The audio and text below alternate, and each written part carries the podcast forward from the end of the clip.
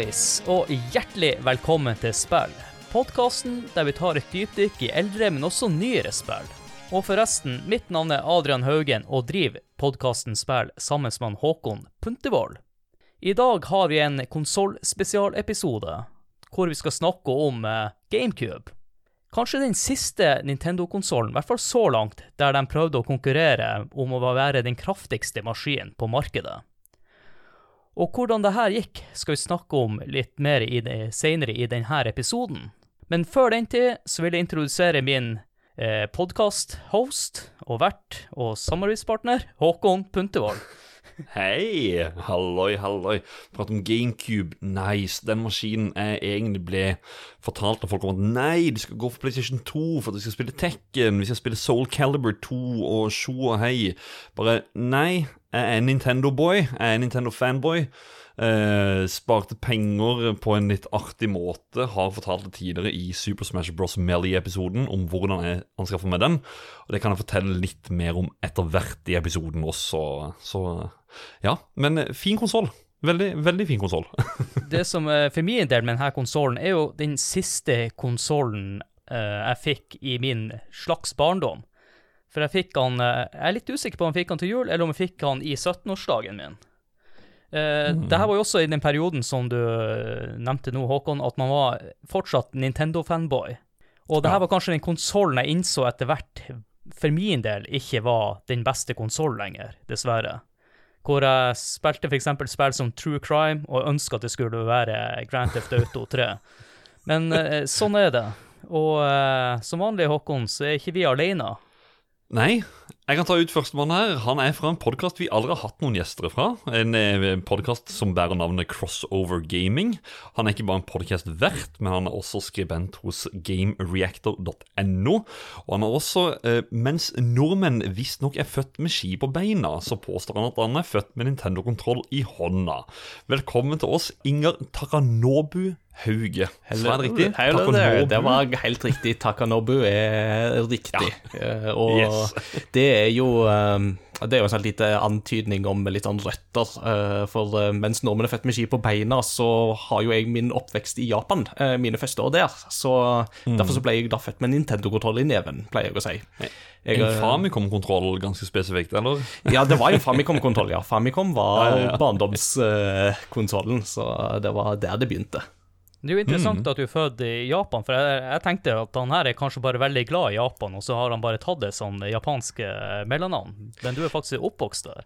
Ja, men det stemmer at jeg har tatt det mellomnavnet i uh, eldre alder. Men uh, det er jo da en grunn til det, og ikke bare fordi at uh, Holdt jeg på å si no, Noen folk blir jo litt for glad i Japan uten å kanskje egentlig ha på en måte den der naturlige tilknytningen mm. til det. Men for min del så er det jo da en identitetsmarkør, kan du jo si, da. Så ja. ja. Mm. Eh, kan du japansk, eller? Eh? Relativt flytende. Eh, eller flytende og flytende. Det, hvis fagterminologien blir avansert, så detter jeg jo av. Men jeg pleier å si at jeg snakker det så godt at japanerne tror jeg snakker det flytende. og så etter hvert så avslører de jo at dette er ikke helt flytende. Men jeg hadde en gruppe med gamingklasseelever på tur til Japan nå i januar og februar. Eh, og da var det jeg som var med som guide og tolk og den slags. Så ja, så Japan er et underreisemål for, for min del. Ja. Vi kan jo trygt si at du behersker språket, da. Ja. Nydelig. Vi har med oss en til, og jeg skulle egentlig ha en sånn liten sånn soundbite for å introdusere han, fordi at når vi hadde han med i juleepisoden, så sa han det at GameCube Skal dere snakke om GameCube, så skal jeg være med. Så da valgte vi oss å høre på han. Han er en av de tre wacky people fra søsterpodkasten vår uh, Ragequit. Og så har han sittet veldig lenge på introduksjonsbenken uh, nå. Uh, pinebenken, er det ikke det, Ståle? Velkommen. Nei, det, altså, jeg har oppført meg pent. Mange vil påstå at uh, ja jeg, nesten, jeg tipper sånn at uh, de som kjenner meg godt, tror at Adrian har muta meg i klippen nå, liksom, fordi jeg ikke har sagt noe før nå. Men det er faktisk sant. Jeg har holdt helt fred helt fram til nå. Jeg har fått beskjed ja. på forhånd at dette er ikke ragequit. Soundboard må legges ned. Uh, du må oppføre deg pent, og det prøver jeg å gjøre, da. Så Du tar liksom litt sånn Ja, nå, nå, skal vi gønne på her. ja, men jeg har respekt for andres uh, arbeid, akkurat som jeg har for uh, Ragequit, men bare at det er lettere å ha respekt for Ragequit siden respektnivået er så lavt, på en måte. Ja. ja. så det er bare Også Og så er det veldig hyggelig jeg- at eh, Jeg visste ikke dette du skriver for Game Reactor, men det er jo vår foretrukne nyhetskilde i Ragequit, så det er jo helt nydelig. Dette er jo for en kombo. Ja, nei, men Ja, det, det, kan jo, hyggelig. Det kan jo faktisk hende at det er en del av nyhetene som er skrevet der. Kanskje jeg til og med har lest opp en av ny nyhetene. For jeg var der en gang, og da var det kopiert inn noen nyheter. Og jeg har lest opp noe. Jeg vet ikke hvem som har skrevet det, men det kan hende. Det er nok en viss fare for det, ja. Temaet for episoden i dag er jo GameCube, så jeg har litt lyst til å høre, Ingar. Fikk du konsollen eh, rundt release, eller eh, skaffa du denne konsollen litt seinere? Du, denne konsollen her, den eh, fikk jeg faktisk i julegave av mine søsken. Jeg, er, yngst av fire, så mine tre eldre søsken de gikk i lag en jul. Jeg er veldig usikker på om det var jula 2002 eller 2003, men sånn rundt omkring der. mm. Om det var etter prisfallet eller ikke, det er det som er litt sånn usikkerhetsmoment her. Eh, på det tidspunktet der så hadde jeg egentlig tenkt at nei, nå skal jeg egentlig legge gaming litt ifra meg. Hadde jeg faktisk tenkt. Eh, Det var liksom litt den der med at nei, nå, nå begynner du snart å bli voksen. Nå må du snart eh, begynne å Det, det er gaming-greiene, det er for dyrt, du kan ikke bytte konsoll hele tida og sånt. Og så fikk jeg den konsollen der i julegave. og jeg tror jeg nesten må si at hadde jeg ikke fått den i julegave av mine søsken, så tror jeg ikke jeg hadde sittet her i dag og preika om spill sånn godt over 20 år seinere. Så hvis mine søsken syns jeg er litt for opptatt av gaming, så er det deres egen feil, rett og slett. Enn du, Ståle, du som ønsker ønska Nei. så sterkt med å være med i denne episoden. Ja, Nå er jeg spent på din eh, bakgrunnshistorie. Ja, altså, ja, jeg kan ikke si at bakgrunnshistorien er så veldig sånn her øh, Så fantastisk. Men det er bare at øh, jeg, Du er, er vel 85-modeller begge to, Adrian. Um, Stemmer. Og det, så jeg hadde en sånn periode der hvor sant, jeg vokste opp med dette her og fikk Super Nintendo øh, som den første konsollen jeg fikk av faren min, og så datt jeg litt av Nintendo 64. Jeg, jeg fikk Nintendo 64 sånn midt i livsperioden der, så, såpass ille at jeg har øh, Det er derfor jeg er glad, mer glad i Majoras Mask enn Ocarina of Time, eksempel. Det kan vi ta på en annen gang. Men, men uh, på det tidspunktet her så har det akkurat blitt sånn nå jeg skulle endelig kjøpe det sjøl, så dette kjøpte jeg for mine egne penger. Og, jeg, og det er sånn at jeg nevnte at jeg skulle snakke om GameCube nå, så kona mi har da altså null interesse av gaming. Det er liksom, Hun bryr seg ikke noe. Men jeg sa jeg skulle snakke om GameCube med dere, så sier hun ja, var ikke det der lilla boksen som sto under TV-en i Munkerudkleiva? Så til og med hun vet at dette her er sånn der, ja, men da skjønner jeg at du skal prate om den.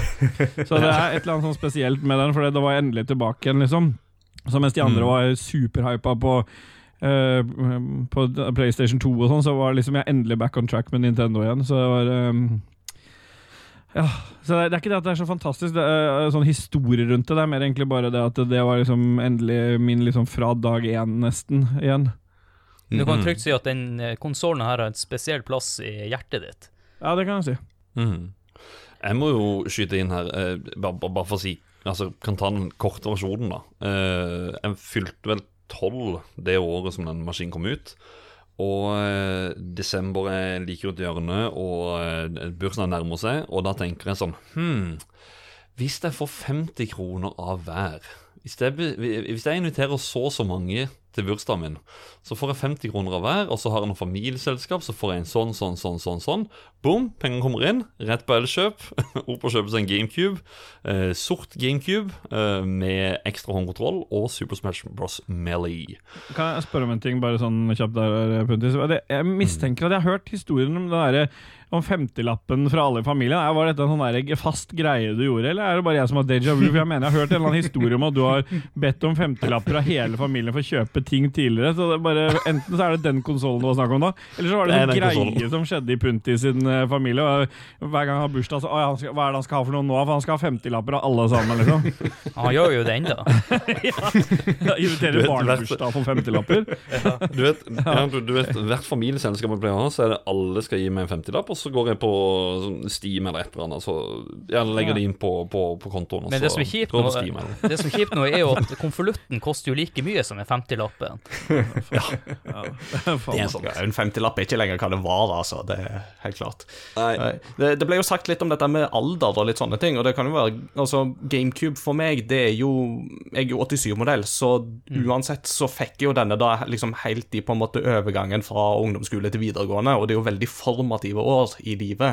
Så GameCube ble jo veldig formativ for, eh, for min egen del, både inn i videregående, men òg da i starten av studietida. Så var, det var ingen, da, når den først var i hus, så var det ingen tvil om at den skulle følge meg eh, fra, fra Vestlandet til Oslo når studielivet skulle begynne. Så Mm. For min del så er det jo ganske spesiell konsoll også med hvor tidlig hypen starta. For jeg husker allerede når vi begynte på videregående i 2001, høsten 2001, og da hadde vi en stor diskusjon, jeg og noen andre kompiser, med en kar som var skikkelig PlayStation 2-fan. og eh, jeg husker jo, Vi trodde jo på alt det Nintendo sa om GameCuben, og skulle være den kraftigste, og jeg husker de- alle de her diskusjonene. Men jeg husker også fortsatt første gangen jeg eh, tok en GameCube-kontroller og spilte. Det var det Rogue Squadron. mm, ja, samme her. Og, det, Ja. og, og da var jeg på Spiderman i Tromsø, og han karen som jobba der, han eh, driver nå med som mikrobryggeri bryggeri her i Tromsø. Og husker han ga hundkjeft til han ene eh, som spilte, for han brukte superbomba litt for tidlig. Så, jeg tror han sa 'hva du har holdt på med, din jævla idiot', eller noe sånt. Så han var legendarisk. Han ga kjeft til folk hvis folk var dårlige å spille. Så det er en av mine Eller det er mitt første GameCube-minne, sånn sett. Og jeg husker jo også at grafikken var jo helt sinnssyk i forhold til Nintendo 64. ja, det var noen, det var noen hopp opp, for å si det sånn, ja. Det, Snickers også Twist. Jeg husker, jeg, jeg kom på en ting nå, for jeg husker jeg, eh, nå, nå husker jeg egentlig sånn den hypen jeg hadde når du begynte å snakke om det nå også, fordi eh, kodenavnet der var vel Dolphin. Eh, Jeg vet ikke, Nå kan det hende at jeg forgriper noe, fordi grunnen til at jeg kommer på det, er, er fordi at jeg husker jeg leste i et sånt uh, Nintendo-blad at uh, liksom da begynte de allerede å snakke om det der kodenavnene, og du så liksom noe sånn back, back in the day så var det liksom det du hadde av eh, av uh, var jo disse bladene for å i det hele tatt se noe sånn potensielt åssen han skulle se. Det var jo ingen som var i nærheten, selvfølgelig, for de baserte det jo bare på en Nintendo 64-greie.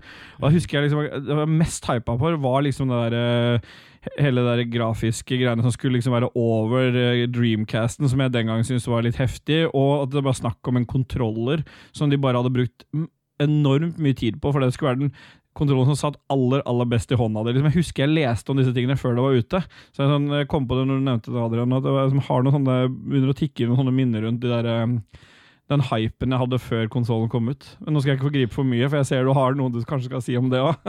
Ja, for det, det er jo veldig bra at du nevner akkurat det her, Ståle, for jeg tenkte jeg skulle ta dere igjen av historien til GameCuben. Kjør på.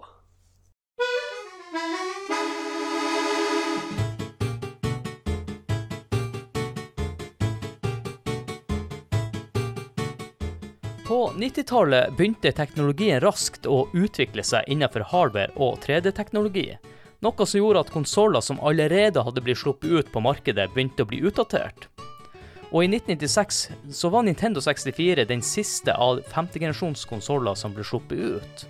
I 1998 så ble første sjettegenerasjons konsoll utgitt, og det var Sega med sin Sega Dreamcast som starta det hele.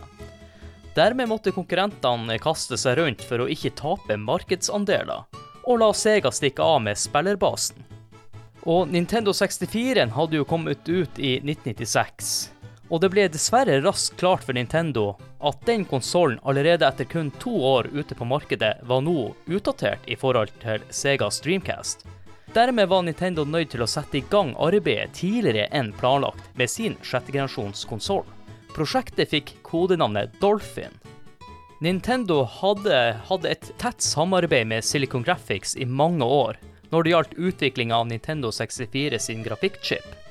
Men nå hadde det skjedd store endringer hos Silicon Graphics. For der hadde mange av nøkkelpersonene i selskapet slutta, og de hadde oppretta et eget selskap som de kalte for ArtX. Det her gjorde jo da at Nintendo måtte ut og lete etter en ny samarbeidspartner som kunne jobbe med grafikkchipen til deres neste konsoll. De var i samtaler med 3DOs hardwareavdeling og Sargent, som var eid av Samsung. Nå var det jo sånn at Nintendo var ute etter de riktige folkene. Og til slutt endte de opp med å inngå et samarbeid med de gamle kjente som nå jobber i ArtX. Men Artex ArtX var i utgangspunktet litt usikker, fordi de allerede var i gang med et annet prosjekt, Artex One PC-chipset. Og de var redd for å miste fokus på dette prosjektet. De hadde i utgangspunktet tenkt å takke nei, men Nintendo kom med en avtale de ikke kunne si nei til, og det var at de skulle få betalt i royalties. Og dermed var de i gang med å utvikle en ny grafikkchip som de valgte å kalle for Flippet-chip, til Dolphin. Og når det kom til utviklinga av CPU-en, så tok Nintendo kontakt med IBM. Partene inngikk et samarbeid hvor de skulle lage en, den kraftigste konsoll-CPU-en, som de valgte å kalle for Gekko Processor, som var på hele 486 MHz.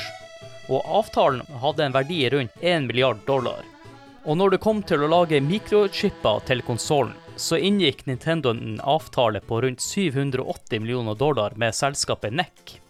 Når det kom til formatet Nintendo skulle kjøre spillene sine på, så valgte de å bytte ut cartridge for DVD-plate, hvor Panasonic skulle stå for produksjon. Og siden Nintendo er et firma som er redd for piratkopiering, så valgte de å gå for en slags mini-DVD-plate. Og ulempen med de her platene var at de hadde bare en tredjedel av lagringskapasiteten, som var på 1,5 gigabyte, hvor en vanlig DVD kunne inneholde rundt 4,5 gigabyte.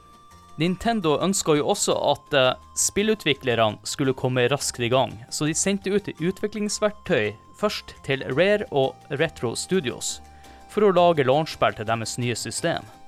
Det var ikke før 12. mai 1999 at Nintendo gikk offentlig ut og annonserte at de jobba nå med en ny konsoll som de valgte å kalle for Dolphin. De nevnte også at de ville stå i en god posisjon når det gjaldt konkurrentene Sony og Sega. På denne tida må jeg nevne at Xbox var ikke ansett som en hovedkonkurrent. I august 2000 så annonserte Nintendo at de ville gjøre et navnebytte. De valgte å gå bort fra Dolphin, og nå hadde konsollen endelig fått et skikkelig navn, som var GameCube. Og konsollen ville bli utgitt juli 2001 i Japan. På denne pressekonferansen så annonserte de også at det vil være fem spill tilgjengelig på release.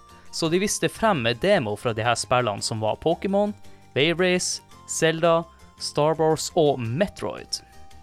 Året etter, på E3 2001, så ble prisen til GameCube annonsert, som var 199 dollar. Og det her var faktisk 100 dollar billigere enn konkurrenten PlayStation 2 og nylig annonserte Xbox. Og lanseringsdatoen hadde også fått nye datoer, som nå var 14.9. i Japan og 5.11. i Nord-Amerika. Og her i Europa fikk vi bare vite at den ville være på markedet i løpet av 2002. Nintendo var jo faktisk nesten ferdig med hardware og alt.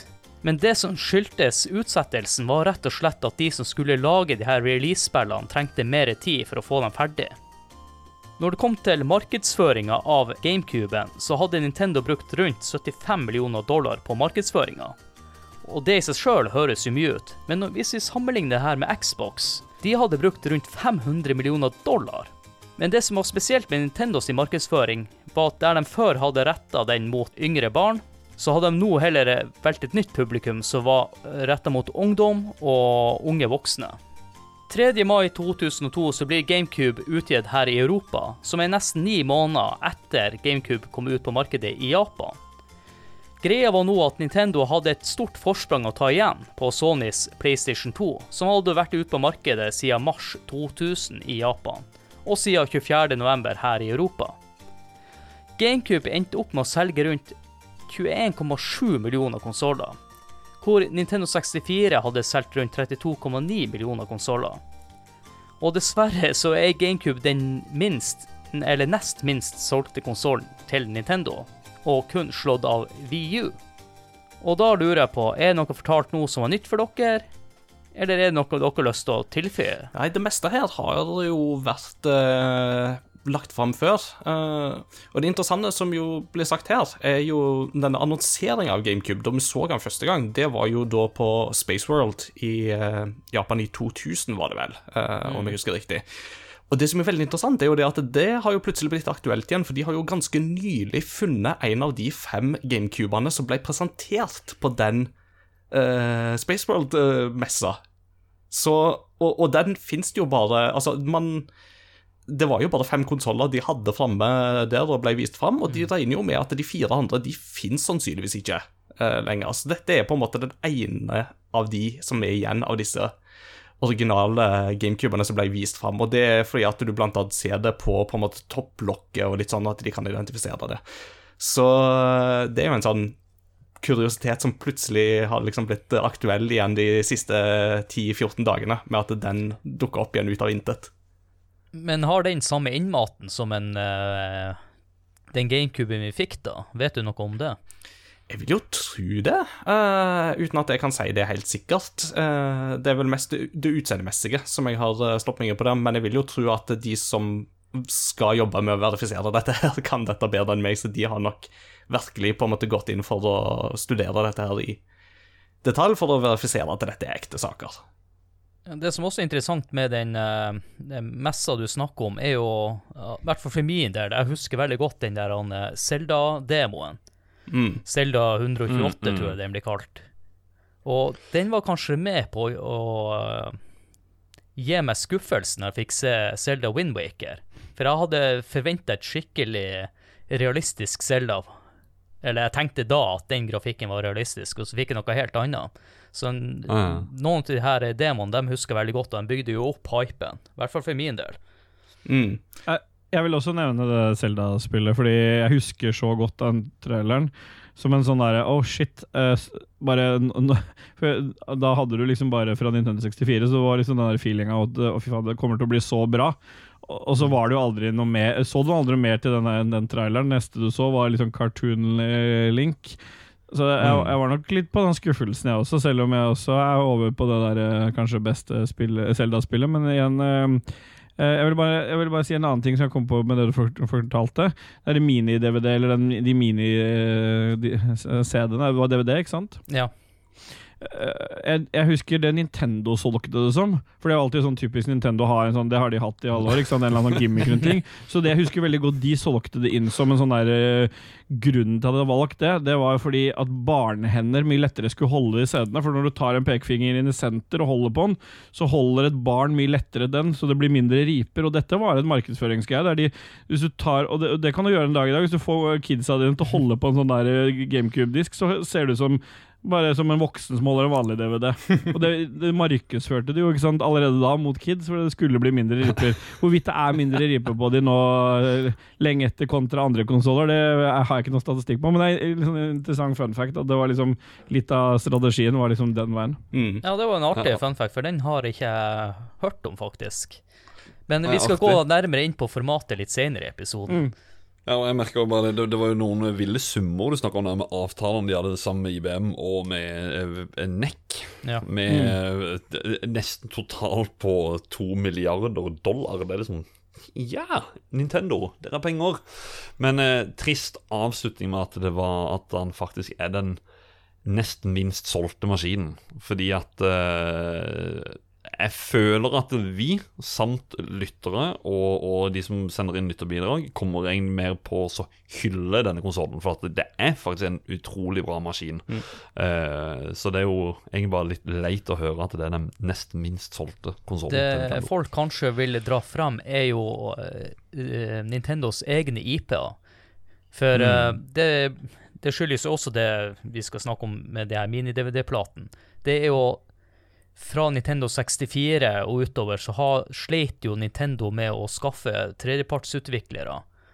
Fordi På grunn av det her formatet, da. Og i tillegg, så måten Nintendo flørta med andre tredjepartsutviklere på, var jo å låne ut sine karakterer som de kunne bruke i de spillene.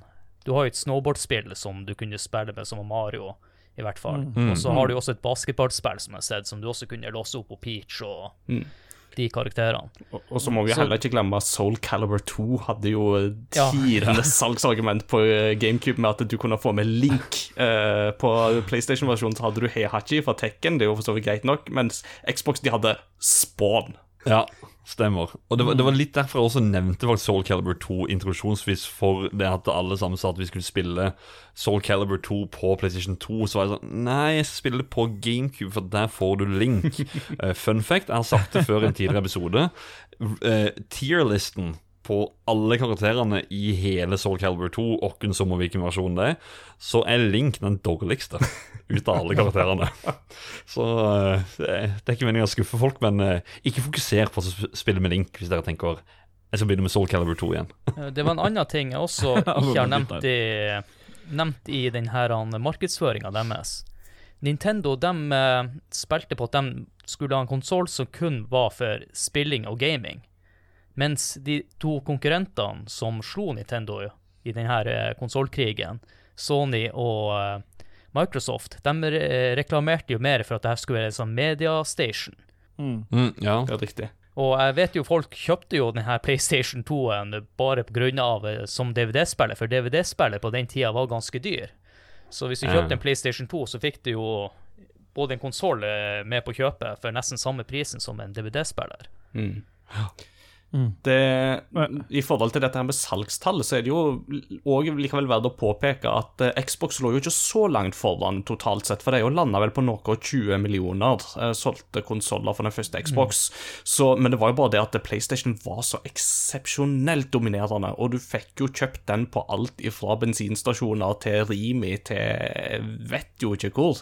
Så den var jo, hadde jo en presence overalt, mens GameCube var jo fortsatt det var fortsatt leketøysbutikker eller eh, liksom eh, noen sånne elektroforhandlere. Det var der jeg husker at det var der jeg fant GameCube-spill. Så det var jo ja, mye mer nisje på en måte sånn sett enn det PlayStation var. For det var sånn mm, Bestemor di visste hva en PlayStation var på det tidspunktet. Og så må Ja, vi ja. ikke glemme at eh, Sony og Microsoft er jo to firmaer som er mye, mye, mye større enn Nintendo. For det om vi som nerder tenker på som Nintendo som, er, som det største selskapet, så er jo de et lite selskap i forhold til de andre her. Og det så jo bare litt med markedsføringsbudsjettet som eh, ja, var bra mye større enn en det Nintendo kunne stille opp med. Mm. Også det her eh, strategien som eh, Sony og Microsoft har gjort, å selge konsoll med tap, mens hvor Nintendo har prioritert å tjene penger på dem. Mm. Som også har kanskje vært med å ødelegge litt for Nintendo.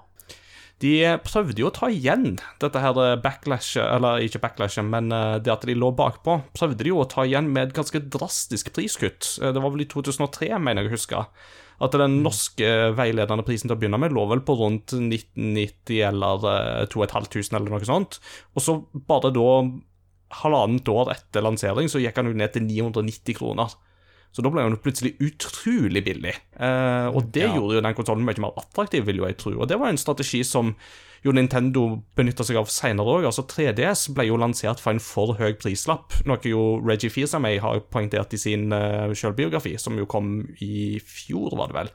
Og der da han òg sa det at med en gang de gikk ned i pris der, sånn som han i utgangspunktet hadde ønska at de skulle gjort, da, da begynte salget å ta seg opp. Så det er jo mye godt mulig at GameCube òg tjente litt markedsandeler på det litt sånn etter hvert, men de kom for seint i gang, altså. Det, det gjorde de. Ja. Han eh, Ståle nevnte jo i stad det at eh, maskinen heter jo Dolphin i starten, eller prosjektnavnet, da.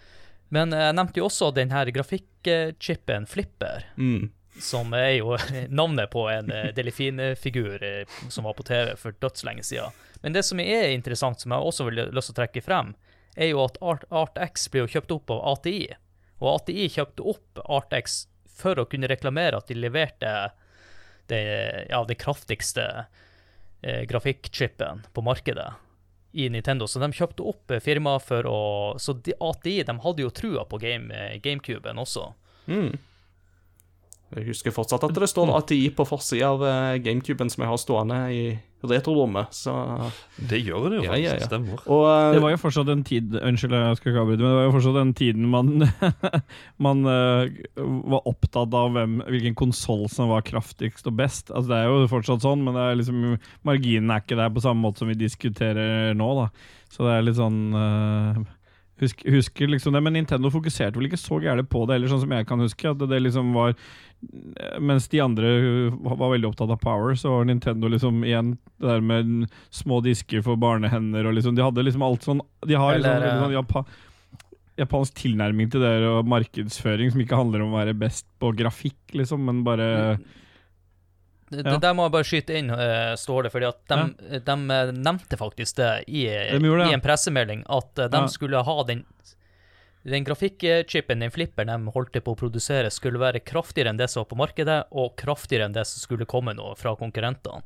Ja, jeg Så- tenker nok de gjorde det også, men jeg bare Jeg, bare, jeg, jeg minnes ikke å huske jeg, Når jeg husker liksom fra den tida hvem som brukte tid på det, så var det liksom Det det ofte endte med at man valgte Nintendo for, var helt andre ting, på en måte. De klarte liksom ikke helt å eh, å leve med det der at de skulle være det. Det er jo litt det de kanskje har embraced i åra etterpå. De har skjønt at det er ikke så viktig for Nintendo-navn uansett, liksom. Men jeg, jeg, til mitt tro på at de markedsførte det. Jeg bare følte, jeg husker det som at ikke det var en ting man argumenterte for med GameCube. Da var det liksom en særing allikevel. Jeg lurer på om jeg nevnte det i denne eh, episoden med Mario eh, Galaxy, er jo at det, her var jo han gamle eh, presidenten i Nintendo, Yamauchi, som styrte skuta. Og Nintendo fram til eh, så lenge han var med, så skulle jo de prøve å eh, lage den kraftigste maskinen. Og samme gjorde jo de med Nintendo 64-en. Mm. Eh, skiftet får vi jo med konsollen som vi ikke skal snakke om i dag. Der, der kommer jo inn han eh, Iwata, som har et helt annet syn på hvordan spilling skal foregå. Mm. Så det er nok en grunn til uh, det her skiftet, men det er jo interessant det her eh, Hvordan jeg prøvde å markedsføre denne eh, Nintendo GameCube fra at eh, de her eh, små DVD-platene skal være enkle å ta for barn, til også å prøve å overbevise folket at det her er den kraftigste maskinen noensinne. Mm. Ja, men alt, med, alt med den konsollen stråler jo av Nintendo. Peak Nintendo. ja, Fra design med håndtak til kontrollere som ikke ligner på noe annet, egentlig, når du holder det. Bare se på hvordan knappene er plassert rundt omkring der og sånn. Altså, det er jo bare Det er så mye greier med den. Også det derre Du skal sikkert snakke om det etterpå som eh, tilbehør til det, og så videre. Så det er bare alle disse tingene som er sånn Det bare oser av den Nintendo-sjelen som de andre bare dytter ut som sånn Ja, dette er standardformelen, liksom. Det er, Hva dere eh, tenker om eh, designet, da? Fordi at eh, Jeg husker jo Jeg syns jo den Nintendo 64-en så utrolig kul ut, og så fikk man den her om det klumpen. Ja, jeg, jeg er motsatt. Jeg er motsatt. Å, ja. jeg, jeg, jeg kom så seint inn på det Nintendo 64-greia som jeg synes jeg følte var liksom Det var så mye greie med. Det er øh, øhm, ekstra minner du kunne dytte inn i front for å spille noen av spillene. Det var så mye opplegg, mens GameCube var liksom så var et eller annet sånn kult med hele greiene. Og så det håndtaket bak. Hva faen skal du egentlig med det? Men det, det er bare så gøy å ha plassert der som den første håndholdte konsollen, egentlig. Eller sånn, sånn bær- Bokstavelig talt. Ja. Sånn, Så det, det var sånn det, Altså, det er jo øh, bare det, det var vel en tanke om at den skulle være lett og ledig å ha med seg rundt. Fordi at Nintendo Jeg, jeg vil tro det, for Nintendo har alltid vært veldig opptatt av det sosiale. ikke sant? At det er øh, med fire porter og liksom Og de var nyskapende på mye annet her. Men du skal sikkert igjen tilbake til accessories med trådløs kontroller og sånn. Men, men, øh, men igjen, ja, altså jeg digga det designet. Jeg husker det var det som liksom var liksom prikken over i-en for min del. Men det er jo liksom igjen øh, Små eh, DVD-er er jo igjen liksom noe som ikke det produseres så mye av, ergo pris på spill kan gå opp, eller i hvert fall produksjonskostnader. Det er jo sånn Nintendo repeat-knapp, på en måte, når de andre produserer noe som alle andre Eller som det lages mye av, så går jo prisen ned, mens Nintendo velger, tviholdt jo på kassettene på 64, og her liksom et sånt format som på en måte eh, hever kostnadene. Men jeg, jeg liker det litt òg, altså. Det det er liksom litt den der med at du har liksom De andre aktørene De eh, plasserer sine krigsskip ute på havet og begynner liksom å kjempe om markedsandeler. Så har du Nintendo som bare går hen og så graver de en egen innsjø, og så bare begynner du å seile der i stedet. Altså, Ja. de, de, de bare gjør sin egen greie, enten du liker det eller ikke, og det er bare noe med det, så du må på en måte rose de for, altså. Fordi at det Noen ganger så gir det noen sånne kreative krumspring som gir veldig gode resultater. Uh, ja, uh, ja, for Nintendo er jo litt sånn De har lyst til å prøve å finne opp kruttet på nytt igjen, mens uh, Sony og Xbox prøver jo å se litt på hva vi andre gjør, og prøver å hente ideer fra hverandre. Så Nintendo er jo litt sånn at av og til så lykkes de utrolig godt, og noen ganger litt mindre godt. Men med GameCuben, det jeg også husker jeg la merke til, er jo hvor mye mindre fysisk den er i forhold til den svære, lange, susen ser ut som en gammel VHS-spiller av en konsoll, den der han eh, eh, det er PlayStation 2-en, og så har du den gigantiske klumpen til Xbox. Mm. Så Ja, ja. designmessig så er jo den ganske eh, mye cleanere. mm. Og det er Men noe den også, ser jo også Ja, så ser den jo ganske uskyldig ut med de her, de her fargene. Og jeg har litt lyst til å bare bare ta frem de fargene eh, konsollen blir salt, eh, solgt eh, med på release. da. Mm. Den vi kjenner kanskje aller best, er jo lilla. Og så har vi jo sort, som jeg tror de, i hvert fall de fleste jeg kjenner, kjøpte. Og så har du uh, sølv, som er ja. Platinum Limited Edition. Og i Japan kunne du også få tak i en, en oransje GameCube. Og så hadde du en mintgrønn med sånn Tales of Symphony, Symfonia. Ja. Og så hadde du en, eh, en som var rød-svart, og en som var sort-hvit. Ja. Og de japanske der, de er jo, bare for oss å si litt og samle om miljømessig, hakket dyrere, kan du si. Det er jo blitt sånn her eh, collectibles eh. men, men, men kan jeg spørre, hva, hva du, du nevnte farger. Jeg gikk jo spesifikt for sort, fordi at jeg er vant med en lysegrå Nintendo, en litt mørkere grå Super Nintendo, en ganske mørkegrå Nintendo 64. PlayStation er sort, Xboxen er sort. Lilla Ja, magisk, jeg skjønte ikke greia. Jeg, nei, men, men jeg måtte det- ha sort, jeg. Jeg måtte ha sort. Nei, nei, nei. Lilla, det, det, det var det ikke nei, snakk om. Det er noe nei, den der nei. lilla den er, Ja, den er det er den crisp og clean. Ja. Det er helt nydelig, Lilla. Den er veldig, veldig Vi driver en messe her i Kristiansand nå med, med spillutstilling. Nå er fokuset på at vi skal ha lilla kontrollere, for det er liksom standarden, da. Men jeg klarte aldri å forstå Det er bare sånn Det var en av de tingene som, som eh, designvis for meg da eh, var litt sånn What? Hva er det holder på med, Nintendo? Var det den Eh. første hjemmekonsollen som på en måte Som gikk for noe fargesprakende, egentlig, da? Eller hadde det vært gjort før? Ja, kanskje Famicom, men hun hadde jo litt farger, faktisk. da Mm. Ja, Nintendo 64 kom ut med Fantastic. Eh, Men fra, var- fra release, liksom. Det var, for ofte, ofte så er det forbundet med sånn der eh, som kommer etter hvert. Ja, nei Det, jeg tror det er riktig det, altså, at dette var nok eh, De, de, de skilte seg definitivt ut, altså, på godt og vondt. Og og det er jo som du sier, at eh, med den lilla fargen der, altså, det, det skriker jo når du plasserer den ved en TV. Altså, du, du, du kan ikke la være å ikke se den kuben, men det er jo noe med den blikkfangeffekten òg. Eh, kanskje ikke like lett å selge hvis du er nygift og skal på en måte interiørdesigne huset ditt og sånt. Og bare, ja, skal vi plassere det. Nei, kjære, den kan vi ikke ha. Den, eh, den passer ikke med noen ting. Nei, men det, men det kan jo hende uh, skal jeg si, Da var jeg bare å tenke på tidligere konsoller med farger på. Men Gameboy Color Den var jo i forskjellige Den var jo både i lilla, den kom i gul, den kom i kom i grønn nå. Så det har jo vært en tid. Så jeg vet ikke Ja. om de kanskje har gått noe ut fra det.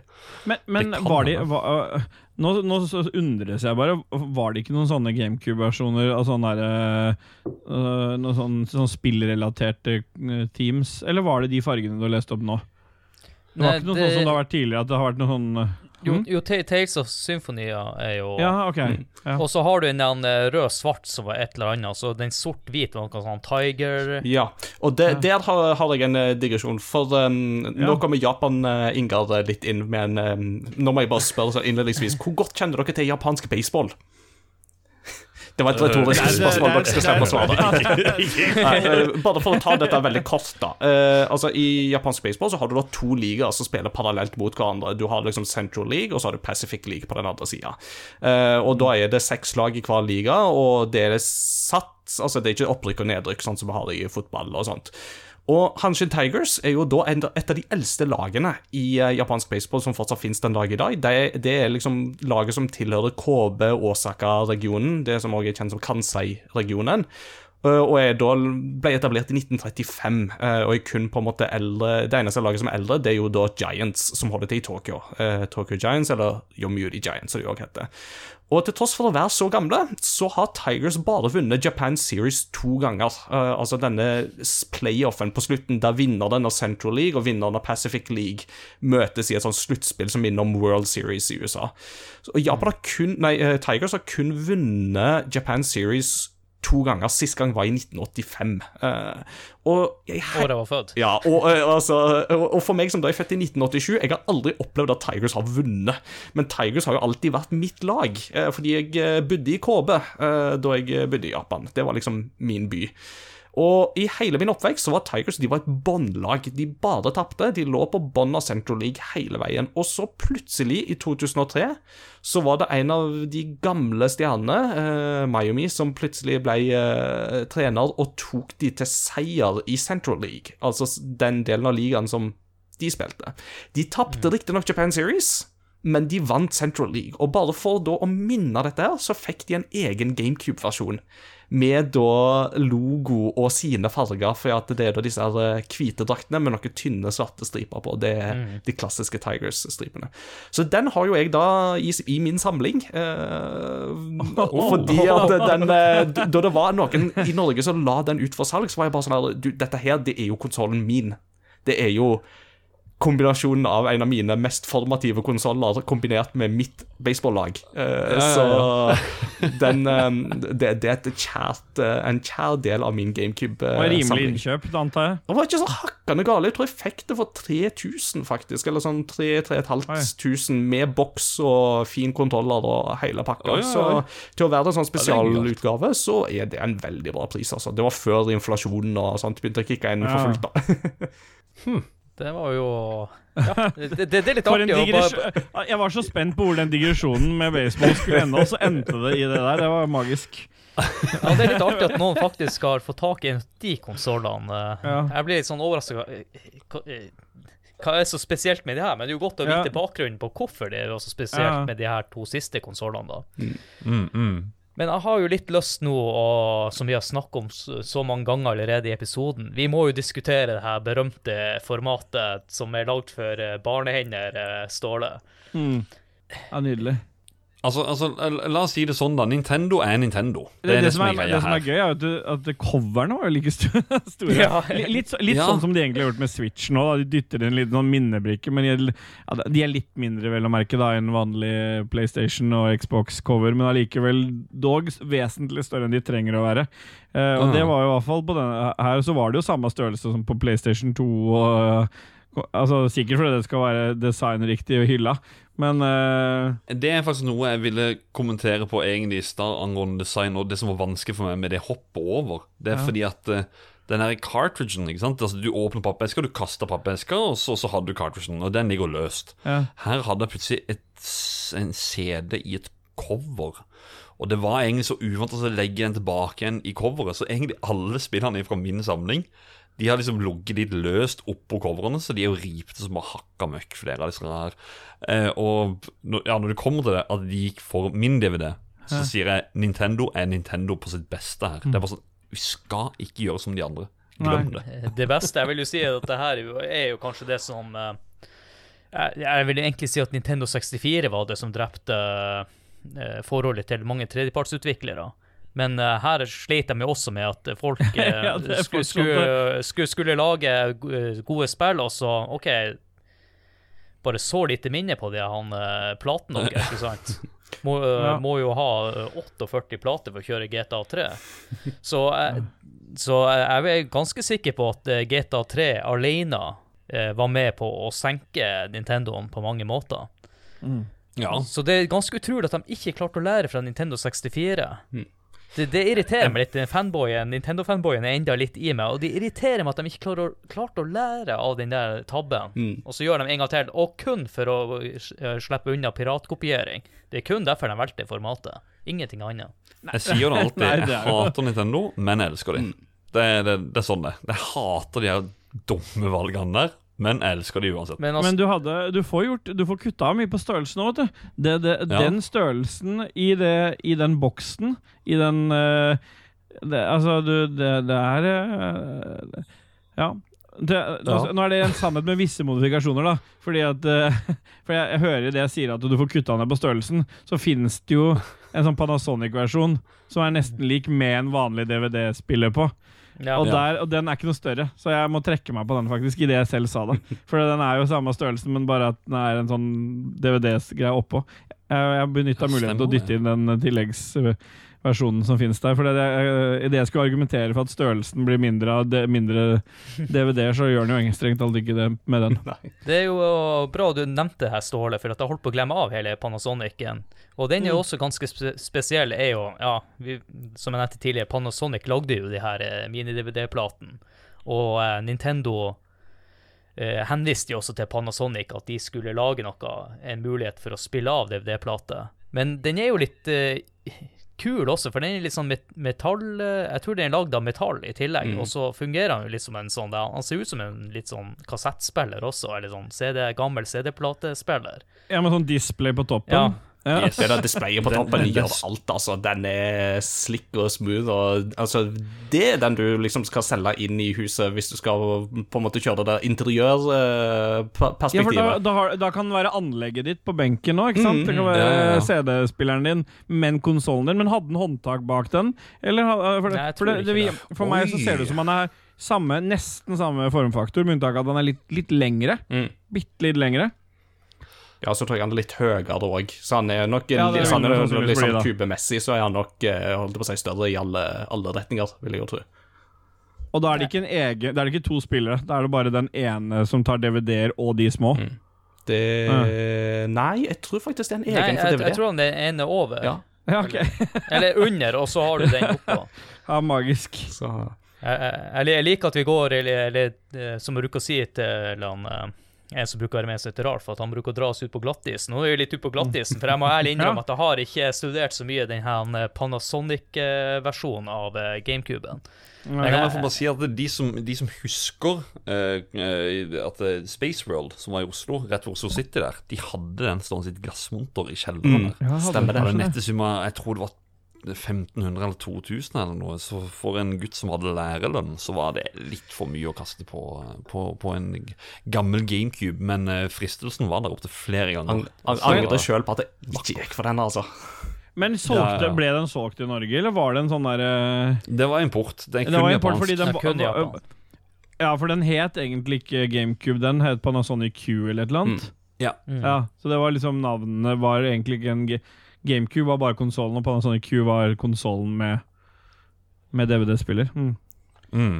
Uh, en, en ting som jeg har lurt på i forhold til disse mini-DVD-ene som de jo brukte, og det er jo en ting Jeg innbiller meg at det kan gi de raskere lastetider, men jeg vet ikke om det Ja. stemmer. Uh, men det er noe som jeg på en måte innbiller meg, at i den grad du hadde ulike på en måte spill som kom på de forskjellige plattformene, så var muligens GameCube-versjonene hakket raskere fordi at disse platene var mindre, og dermed så tok det kortere tid for laseren å lese de.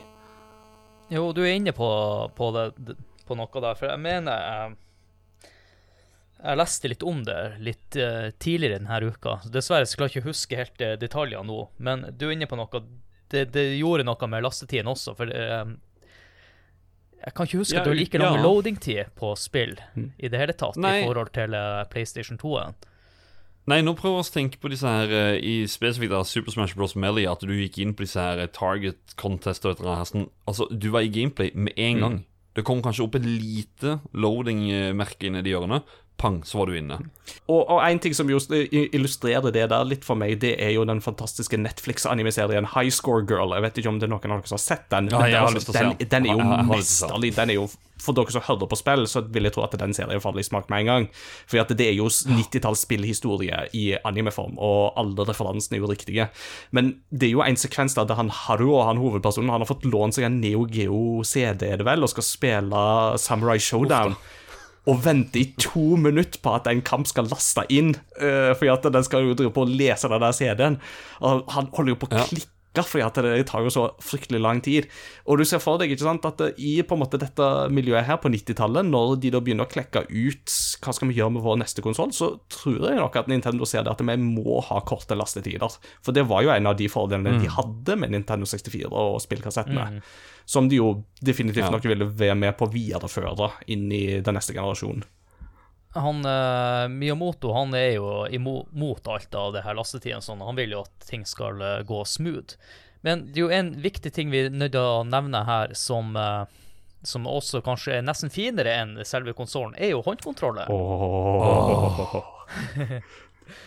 Noen eh, mener kanskje at det her er den beste konsollen Nei, det er konsollen Kontrolleren noensinne. Og så Ja, lurer kon på konsollen nå, så det var helt riktig sagt. det var helt perfekt, det, Adrian. Men det jeg lurer på, burde egentlig kanskje Nintendo ha bygd videre på det her håndkontrollkonseptet, istedenfor å gå over til noe helt annet? Nei. For du kan fortsatt, Den er så bra, den, at det er derfor den Ja. gis ut ennå den dag i dag som en sånn til uh, Smash Bros, eksempel. Det er, game, altså, det er en kontroller fra 2001 som da, i dag pakkes ny med kabel for Smash Bros. Det sier noe om hvor bra det designet på den kontrollen er. Mm. Det er ikke noe vits å pelle noe mer, fordi den ble designa for å ligge godt i hånda. Og det er ikke, Mm. På et eller annet punkt så ligger den så godt i hånda som han kan ligge. Og bare det å kjenne på triggerne på den kontrollen, Mm. er, jo, er jo at de er kurvforma til pekefingrene dine. Det er altså helt fantastisk hvordan den kontrollen ligger i hånda di. Så på et eller annet punkt så når du det når du sånn, nå, nå kan det ikke ligge bedre enn hånd, for hånda endrer seg jo ikke. Da må vi vente Mm. på evolusjon da, før det skal Ja. endre noen nye kontroller.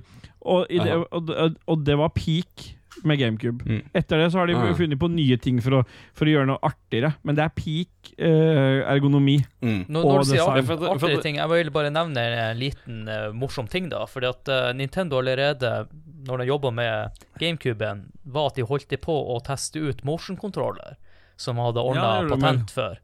Og de hadde jo vel uh, en tredjepartsutvikler, Factory 5, som prøvde å lage et spill ut ifra denne teknologien.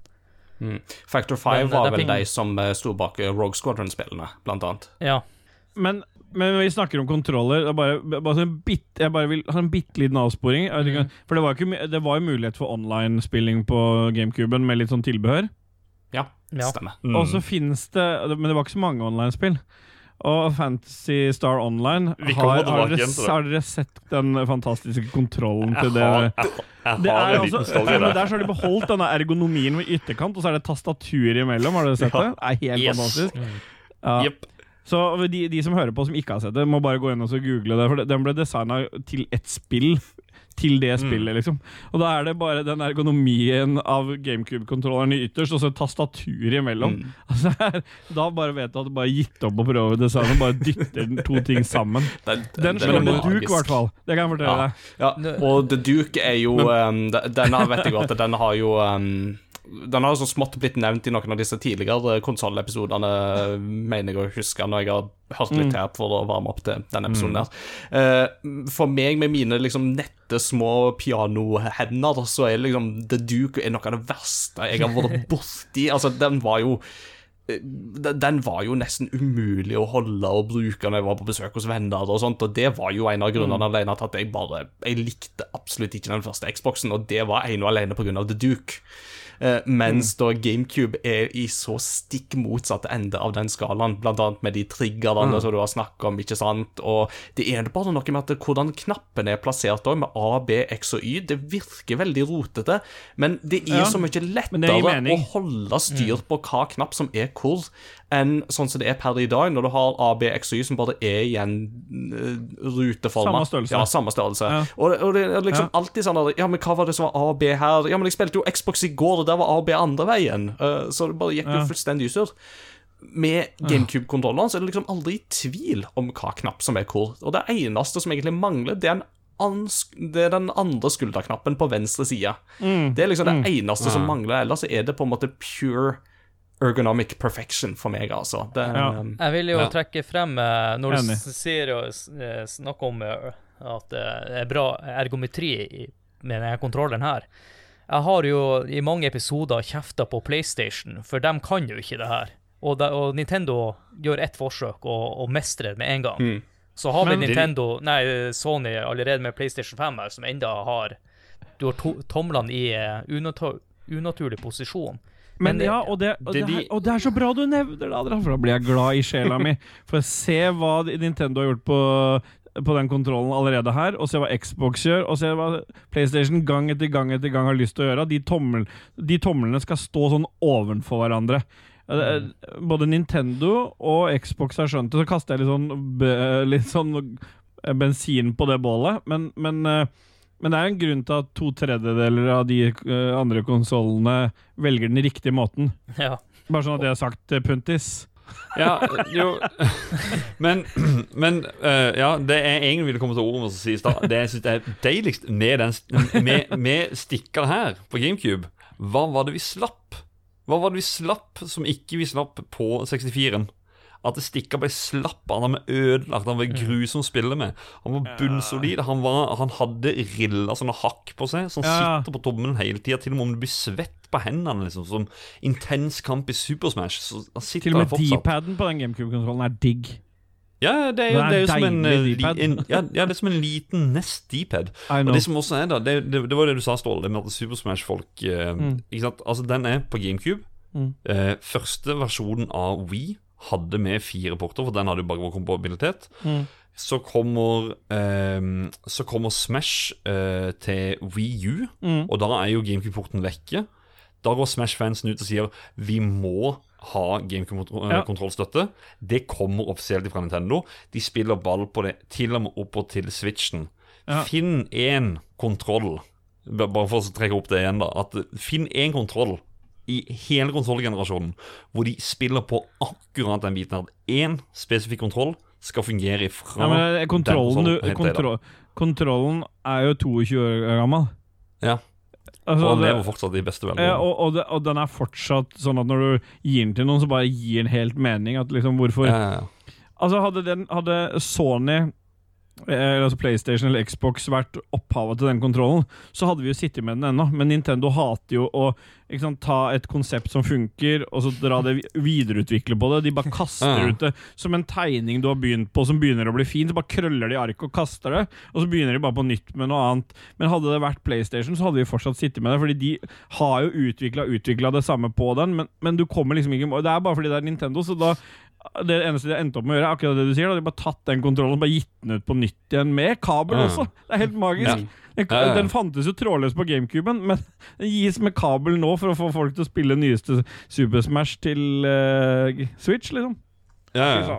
Jeg vil trekke frem én ting. Dere, eh, Det var du, Ingar, som sa at det mangla en skulderknapp på, på venstre håndtak. Det største kritikken jeg har til den kontrolleren her, hvis det går an å kritisere noe, er den der Nei. Jeg syns Ja, den okay. kunne vært litt, litt uh, Ja. bredere tommel på den. Den er litt spinkel. Ja, men, du, det kan vi ta med den- inn på ratinga. Ja, fordi, men, men det er spørsmålet mitt. På de nyeste Switch-versjonene så er vel den blitt en ordentlig, er den ikke det? Mm. Jo. Jo, og det er jo fordi at det fortsatt var generasjonen der hvor du egentlig ikke styrte Du hadde ikke én stikke for kamera. Så det var ikke meninga at du skulle ha tommelen din på den hele tida. Det var meninga at den skulle, du, du skulle vippe den ned som et sånt som et sånt, I Selda, for eksempel, da, så var det der du hadde inventoryen din, for eksempel. Ja, det fungerte som en knapp, på en måte. Mer en Riktig. knapp enn Med, en med, altså bare en sånn meny, ja. Men vi, gitt at du skal ha tommelen din på den, så er den jo helt ubrukelig. Fordi at det Mm. er ikke noe godt å hvile tommelen på den, men han var jo som en sånn kna, multifunksjonsknapp, egentlig. Ja. Eh, men ja, jeg, da, så sånn sett er jeg enig. Det, Men, før, han, eh, før han Håkon skal få lov til å eh, gå over til å snakke om uh, ekstrautstyr til konsollen, så, oh. så har vi denne her menyen når man starter den introen. Og Håkon, jeg har lyst til å spille av lyden vi kjenner så godt. ja, vent litt, da må jeg finne fram dopapir.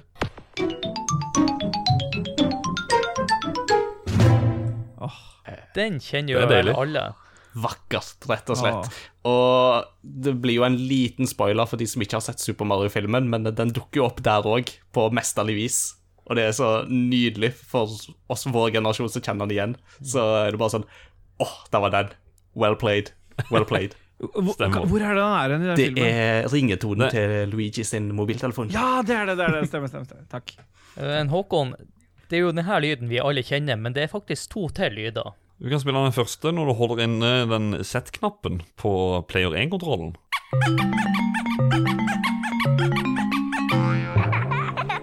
Men eh, eh, det, vi må bare si Det er jo veldig Nintendo-ting at hvis du tar den ene kontrollen og holder inn den knappen, sant, så er det den lyden du Ja. får. Hvem Gidder du å bruke tid på det, liksom?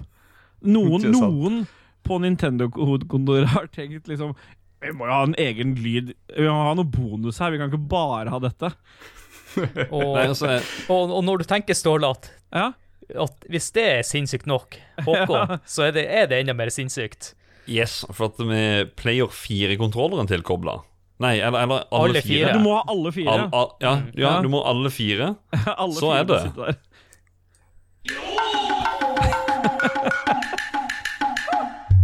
Ah, Da er det fest. ja, da vet du at du skal kose deg når du skal spille. Ain't no party like a kabuki theater party. Ja, det er en referanse du tar, tror jeg. Men det er en til Gammel eh, eh, teaterkunstform. Ja. Ja, ja, ja, ja. Det er en til fun fact med de her menylydene. For eh, hvis du, etter du har hørt introen, så har du en sånn den avslappa lyd i bakgrunnen. Mm. Kjører han på høyere speed, så kan du høre Famicom-disk-intro-lyden. Kan du det? Den har jeg ikke her. Ja, men den kommer nå, den. Gjør den ikke det? Den, for de som hører episoden, så hører de det. Ja, ok da. Ja. Ja, jeg- Nå.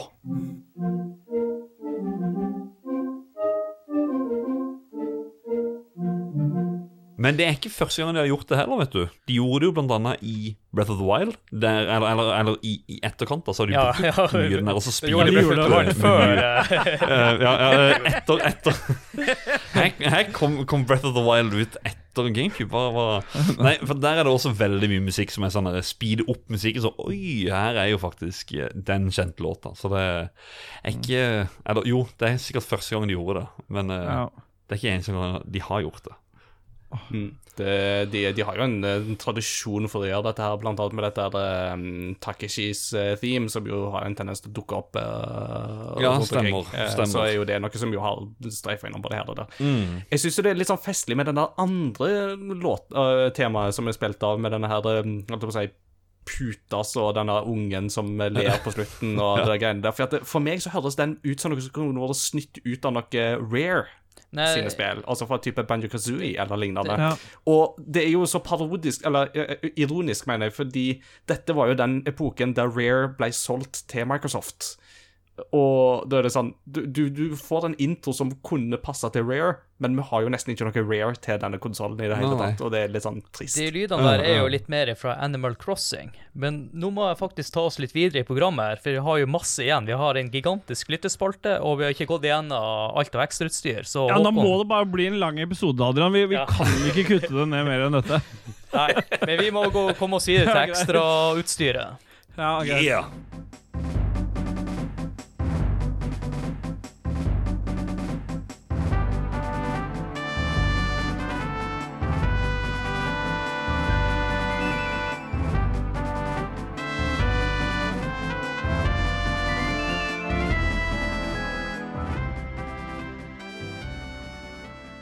Altså, jeg vil jo si eh, ekstrautstyr, add-ons, det er jo det vi skal snakke om nå. Og vi er jo så godt som én time inn i episoden. Og eh, altså, dette her, her kunne vært en to timer lang episode, bare dette temaet her.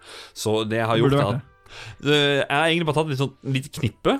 Uh, og så tenker jeg, hvis det er noe jeg ikke får nevnt her nå, som dere mener at vi burde få nevnt òg, så, så skyter vi det inn på slutten, da. Vi har nevnt kontrolleren. Eh, memory card er jo ganske sånn Det er jo normalt å nevne, da. Eh, Bitte små eh, saker. Det er jo ikke noe mer spesielt enn hva det er for noe på PlayStation og sånt. Men kontroll snakka vi om i stad, og da førstemann ut er jo en Wavebird, som var trådløs utgave. Jeg sjekka litt opp i forkant nå, jeg fant ikke noen bekreftelse på det. Men så langt tilbake igjen til Atari og sånne ting, så vet jeg at det har funnes liksom infrarød trådløs kontroller. Denne går på Bluetooth. Og det får man tenke Er dette kanskje den første Bluetooth-kontrolleren? Uh, ja, det, Ja, fordi jeg også har prøvd å gjøre litt research for episoden her på den der kontrolleren, fordi jeg mener jeg har hørt det. De hadde Ja. jo et søksmål i 2008 med noen patentgreier og sånn på akkurat det der, på den kontrollen der. Jeg- detaljene rundt det er litt usikker på hva som endte med hva det endte i, men, men, men jeg vet Nintendo hold, har prøvd å finne ut av dette helt siden Famicom-dagen, egentlig, med en eller annen sånn form for trådløs men sant, alle vet jo problemet med infrarød. Det er jo bare at én av søsknene dine løper foran det, så har du null kontakt, ikke sant. Så um, det er jo ikke så veldig familievennlig sånn sett. Så jeg, jeg hadde den Jeg vet du skulle videre, Puntis, men jeg må bare si jeg hadde den kontrollen nei, her. Kjør på. Jeg på. hadde, den, dette var en del av det der Det er min første trådløse kontroller. Det var jo sånn der Du måtte putte i en sånn adapter i der hvor du vanligvis putter inn kontrollen. Og så var det jo Den ser den jo helt lik ut som en vanlig kontroller, med unntak av at det på en måte er en svær klump midt på, istedenfor at den er sånn slank og fin. Og så veier den litt mer, da. Men, eh, Ja. men eh, Og eh, det, det var jo noe vibrasjon i den kontrollen der, var det det? Ikke i Wavebird. Nei, for det var det jeg var Den litt har usikker på, men hun kan Altså, den vanlige har det, men ikke Wavebird. Ja, ok, for jeg mimres at det var Men det kan jo vært vanskelig å få til med Bluetooth, på en måte. Mm. Det er begrensa hva slags informasjon som kan sendes over. Men, men eh, jeg bare husker det som en sånn veldig sånn klumpete, stor greie. Men med den samme ergonomien i det der eh, Og det var ganske kult, for det var ingen, nesten ingen andre som hadde noe trådløst. Så det var litt sånn Sitte i sofaen uten den kabelen imellom, som noen dro av gårde med. Og vet, vet du hva det beste med den håndkontrolleren likevel var? Nei. Det var batterilevetida. Altså, Den gikk på to dobbel A-batterier, og du bytta de aldri ut. Men det er garantert, Altså, på, jeg, jeg, garantert av jeg lover det går på hundrevis av timer med de samme dobbel A-batteriene. Altså, det er Dagens håndkontroller er ikke i nærheten av å ha den samme holdbarheten eh, på de, eller batterilevetid som det den Waveburn hadde. Altså, helt fantastisk. Ja. Den var dyr, da. Apropos, Ja, det var han, men verdt det. Apropos holdbarhet. De valgte å skulle ta vare på en annen maskin, og det var Gameboyen i form av Gameboy Player. Det fete med maskinen er at du kunne under, så, kunne du, så, så du en sånn serieporter og diverse. Så kunne du ta opp det ene lokket, så kunne du smekke på en, en liten kloss under her, som gjorde GameCuben litt høyere. Det du basically gjorde, det var å Ja, du kobla til en Gameboy. Eh, eller nærmere sagt Gameboy Advance. uh, hvor du da fikk med en eh, Du fikk med en disk. Og det som egentlig er litt nedtur nå i, i nyere tid Jeg sier det bare til dere som ønsker å spille på dette her igjen. ikke skaff dere den Gameboy Player Eller skaff dere spilleren, men ikke bruk denne softwaren som kom med. For at det, softwaren der er grisedårlig. Det blir kornete bilde, det er noe delay, Uh, det er Ja, det er for å spille spillene, egentlig. På Game ja. Advance på konsollen, er det det det er? Ja. Ja, riktig. riktig. Og så, men nå i nyere tid så er det kommet noe som heter Gameboy Interface. eh, som er litt sånn, Det krever litt sånn homebrew og sånne ting. Men det som er det spesielle, da, det er at du fortsatt spiller spillerne originalt. Altså Du popper i disse Gameboy-spillerne inn under maskinen da og får spilt de på TV-en. Litt sånn som med Super Gameboy Player, som var på, på Super Nintendo back in the day. Det tror jeg jo òg er et behov som har oppstått, for jeg tror det fins flere sånne Gameboy Players enn det fins disse diskene eh, i omløp. Mm. Så det har rett og slett oppstått et behov for at folk som har en Gameboy Player, trenger noe annet eh, for å faktisk få den til å putte og gå. Og så er det jo eh, noen add-ons som er, er lagd eh, av litt tredjepartsutviklere, av da Hori. De lagde da en Gameboy eh, controller som er en SNES-forma. Bare det istedenfor at du har disse her vanlige eh, Liksom de, de A, B, X og Y-knappene, sånn som det er på Super Nintendo, så er det da GameCube-designet i knapper som er satt opp der, da. Som er ment som at du skal kunne da spille med den på Gameboy-playeren, da. Var det noen av dere som hadde Gameboy-player, egentlig? Jeg har hatt, uh, fått en Gameboy Player uh, i nyere tid, men jeg hadde det ikke back in the day. Det hadde Nei. jeg ikke. Jeg vet om én som hadde det, men han hadde den. Og det var det. Det var liksom ikke noe Det var ikke noe mer med det. Neste er jo da GameCube Gameboy Advance Cable, hvor du Ja. da kunne koble til Gameboy Advancen Ja, med må, kabel. på- den må, vi, ja, det, det, ja, det er ikke bare en kabel. Nei, for den gjorde sinnssykt mye mer. Ja, den gjorde det. det altså, en ting er sånn der unlockables og sånn i spill, men Ja. for eksempel i det derre For det, det var jo noen år siden Det var jo en eh, periode der Final Fantasy ikke var så tilgjengelig på Nintendo. Men det er et Final Fantasy-spill Åh, hva var det het for noe? da? Crystal, Crystal Chronicles. Chronicles. Riktig. Og der må jo Der er det jo til og med lagt opp sånn at altså ekstra, alle ekstra spillere For jeg husker jeg jeg, det kjøp, jeg kjøpte det Final Fantasy-spillet og tenkte at uh, uh, Ja, fordi uh, det, jeg hadde GameCube, ikke sant? Jeg Ja. hadde ikke noe annet, så det var min i, det var min vei inn i Final Fantasy. Og da, Jeg husker jeg hadde det spillet, og så tenkte jeg oi, det er coop, jeg kan spille med venner. Men det er, jeg går ikke an å spille med venner.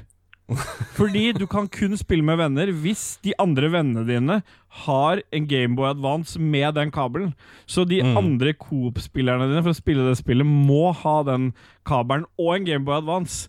Og det ble jo aldri noe. Men jeg hadde en Gameboy Advance, men jeg fikk aldri spilt med en kompis. Jeg har aldri prøvd det i Coop, da.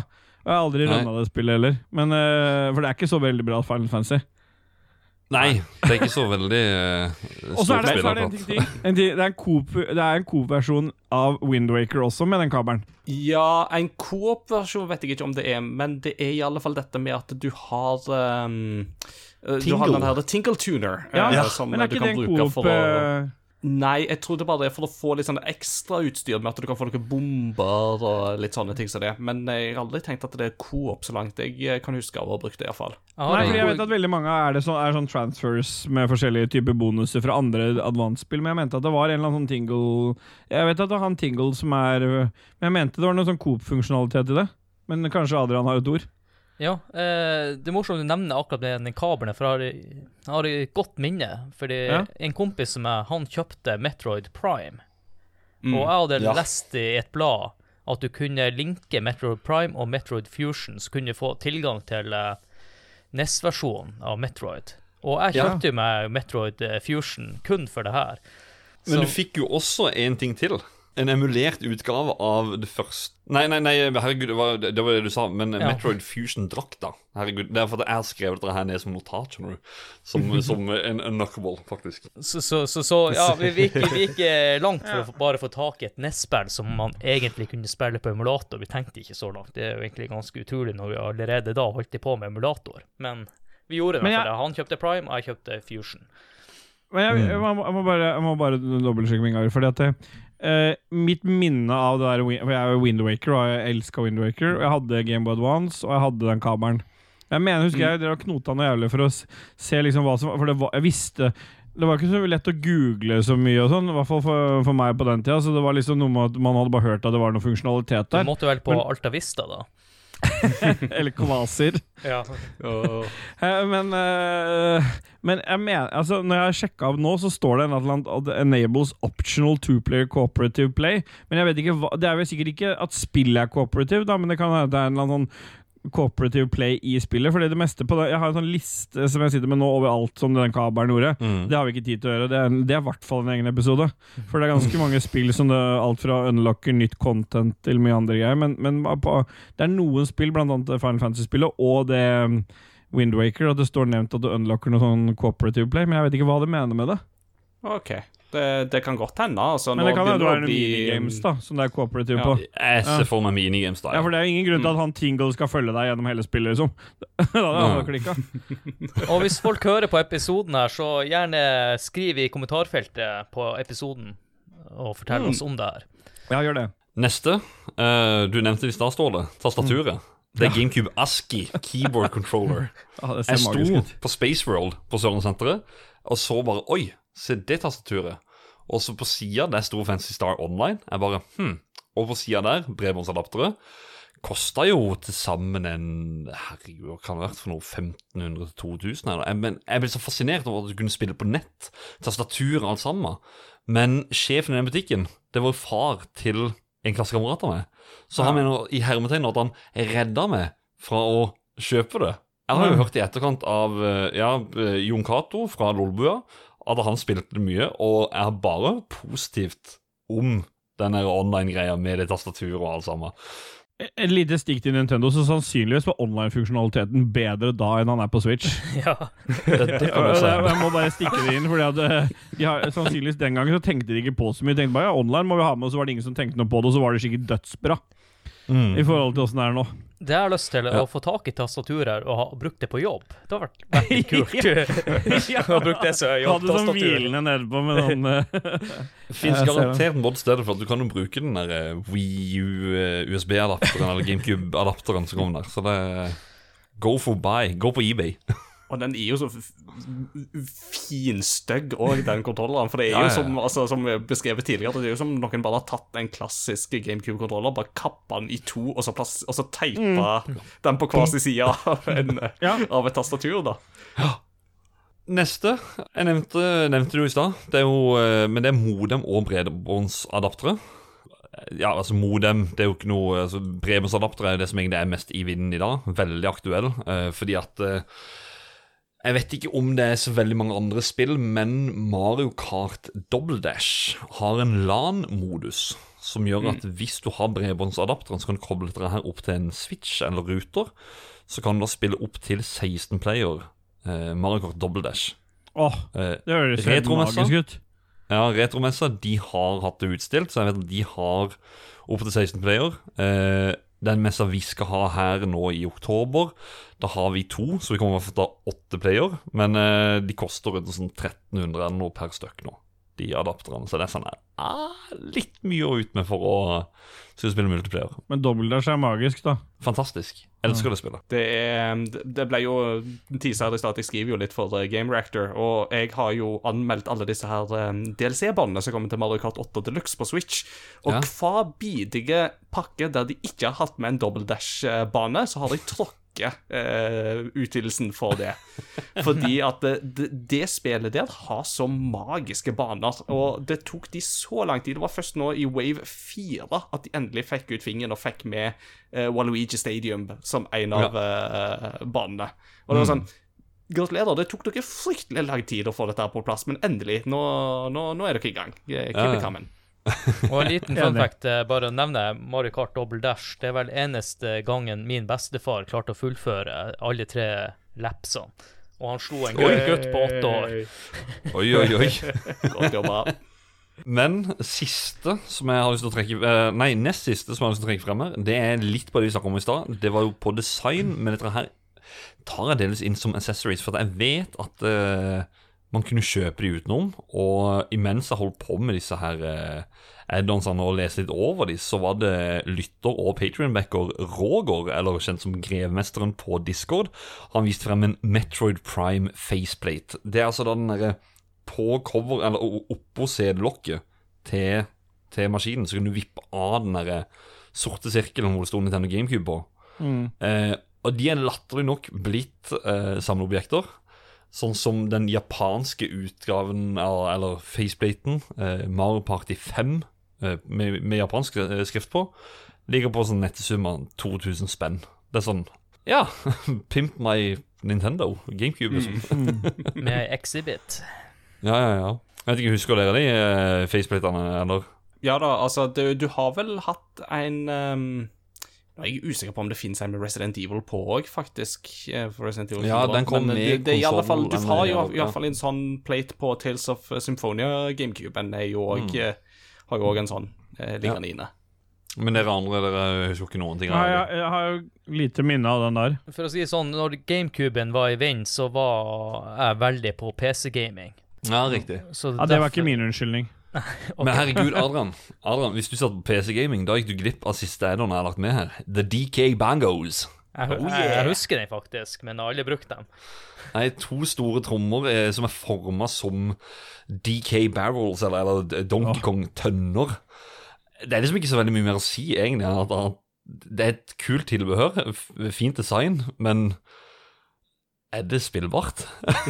Ja, til en viss grad. Uh, Ja, ok, ja, nå, er det, har nå, nå, er det nok, nå er det nok en gang Japan-Ingar som kom litt inn her. Men altså, dette er jo utvikla i samarbeid med Namco, som jo utvikla en hel del ting til GameCube faktisk i sin Mm. tid.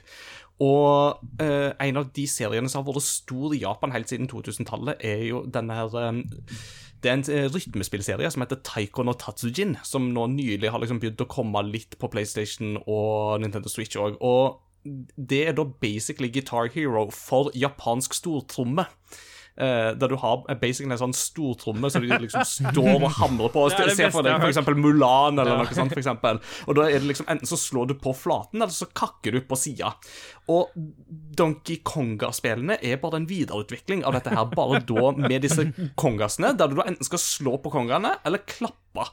Eh, Så dette er egentlig en sånn videreføring av dette Taiko no Tatsujin-konseptet, eh, uten at vi i Norge noen side var klar over det, for at vi hadde aldri spilt Taiko no Tatsujin på det tidspunktet, for at det var jo fullstendig ukjent eh, her til lands for de aller fleste. Men det er, set, det er setningen jeg, jeg syns er fantastisk. En japansk versjon av Guitar Heroes En gitar, japansk Guitar Hero-versjon av eh, japansk stortromme. Altså det er liksom bare Det er bare den overgangen bare, det- bare den setningen er, er japansk. Det er, det er bare noe japansk over hele greiene. Hvis, det, hvis det skal lages noen versjon av Guitar Hero, så må det jo være trom, japansk stortromme. Selvfølgelig må det være det. Selvsagt må det være det. Jeg, am, hvis, hvis noen som hører på noen gang er i Japan, stikk innom en arkade, se om du finner en sånn Taikona Tatujin-sett. Det er dritgøy. Altså, det er Jeg hamrer løs på det hver bidige gang jeg er der i landet, og det er så gøy. Donkey Konga, litt gøy, det òg. Enda gøyere hvis du faktisk spiller det sammen med en venn når dere har hver sin uh, bongotromme, men det skal jo litt til å finne noe To som stykker som har lyst til å slå på bongotromme, ja. Og, og Ja, det som er er interessant, er at vi skal jo Vi skal plugge litt senere i episoden, men vi skal ha liveshow på Tilt. Og vi kjenner jo han eh, ene som driver Tilt der. Og kanskje han må få tak i denne arkaden, så vi kan spille på de her trommene en gang i framtida. Han burde det. fort hende ja. Absolutt gitt. Eh, Var du for øvrig ferdig med Ja, eh, nå, accessories? nå, nå, Ja. nå er jeg ferdig med lista mi. Jeg vet det er mye mer å ta i, så Ja, for jeg har tre som jeg bare vil skyte kort Oi. inn i dette. Her oi. Det ene er Det er jo ikke så veldig revolusjonerende, men du hadde jo dansematte på GameCube òg. Ja, med altså, Ja. Dancing Stage Mario Mix, eh, som var det Mario-låter. Det høres ut som en CD-plate fra 90-tallet. det han, eh, ja, det høres ut som sånne smurfehits, Ja. og så er det alle disse, og så er det den. Ja. Og så på coveret så er det jo Mario som breakdanser. Og liksom, Selvfølgelig. det. Den, Selvfølgelig den, andre, den andre, det er jo da eh, mikrofon, eh, som du jo Ja. da kunne få med Mario Party, om det var fem eller seks, eh, blant annet. Men òg da det interessante japanske spillet Odama, som da er en sånn Total War-simulator der du plutselig s- slipper inn en svær pinball-ballbit på slagmarken, og så skal du styre liker den med mikrofonen. Det, det er et absurd spill, men ådama, det var uh, verdt å bare se videoer av dette, hvordan det styres. Og den tredje, Ja. det er jo litt aktuelt i disse dager. for Nei, jeg, jeg, jeg, må, jeg må bare spørre om denne mikrofonen, jeg. For det, ellers, så- jeg, det ble så fascinert av det. Men var det noe annerledes med Mario Party-versjonen med mikrofon, eller var det bare noe tillegg med mikrofonen? Nei, det var til Det var, det, det var noe sånn tillegg med at du Jeg vet ikke Så det var lite funksjonalitet med mikrofonen? Ja, ja Når okay. du hadde én versus tre, så var det sånn at den personen som hadde mikrofonen, typ sa en ting, da. Så Ja. skulle de andre Ok, ja, for Jeg har Ja, sett at ja. den eksisterer, men jeg bare liksom er- Det var jo ikke så mange som hadde dette, så det må jo ha vært et eller annet helt sånn spesielt mm, liten del av det, liksom. Jeg var ikke meningen å avbryte. Nintendo, altså, ja, men- på sitt beste. Men det er ikke første gangen Nintendo har hatt mikrofon på kontrolleren heller. Vi Nei, nevner jo i. Famicom-episoden. Ja, ja, ja. Ja, sant nok, Ja men det var bare det, den, den ser jo ut som en sånn vanlig de, vanlig men mikrofon de, på de, de hadde noe karaokespill også, faktisk. Ok. Det var vel ett eller to i, i Japan, selvfølgelig. Se- Eh, Selvfølgelig. uh, Men den tredje tingen som jeg ville nevne, og den er jo kanskje det særeste som er kommet ut, og det er jo Resident Evil 4 Chainsaw Controller. Ja. ja, altså- men den kom jo til flere konsoller òg. Ja, for den kom jo til PlayStation 2 òg, så den er jo ikke Ja, stemmer, eksklusiv på stemmer. GameCube. Nei. Men Resident Evil 4 kom jo opprinnelig til GameCube først. Eh, Ja. Og var jo eksklusivt til GameCube til å begynne med. Så Oi, jeg føler ja, på en måte at det, den ja. henger jo mest med på en ja, måte ja. GameCube. Men det er jo så bisart, fordi at det, som Leon i det spillet, så bruker du jo aldri motorsaga. Det er jo disse fiendene som kommer mot deg, som bruker den motorsaga. Så det at du har den håndkontrollen som ser ut som en motorsag i det spillet, det gir absolutt ingen mening. Har dere prøvd med han, eller prøvd å spille med han? Nei. Nei. Nei? Den Men det har jo- du, antar jeg. For jeg hører det på måten du stiller spørsmålet på. Jeg vil, at, jeg vil at noen som er god i Smash, skal bruke den kontrolleren. Altså, Ja, det, er altså som Smash det er som å runde Doom med yoke, liksom. Jeg er ikke sjokkert når det er noen Smash-spillere som, som spiller med det, for det er jo en, blant annet en fyr som spiller med noe fiskestang eller noe på Nintendo 64, et eller annet. Altså, de spiller med alt mulig.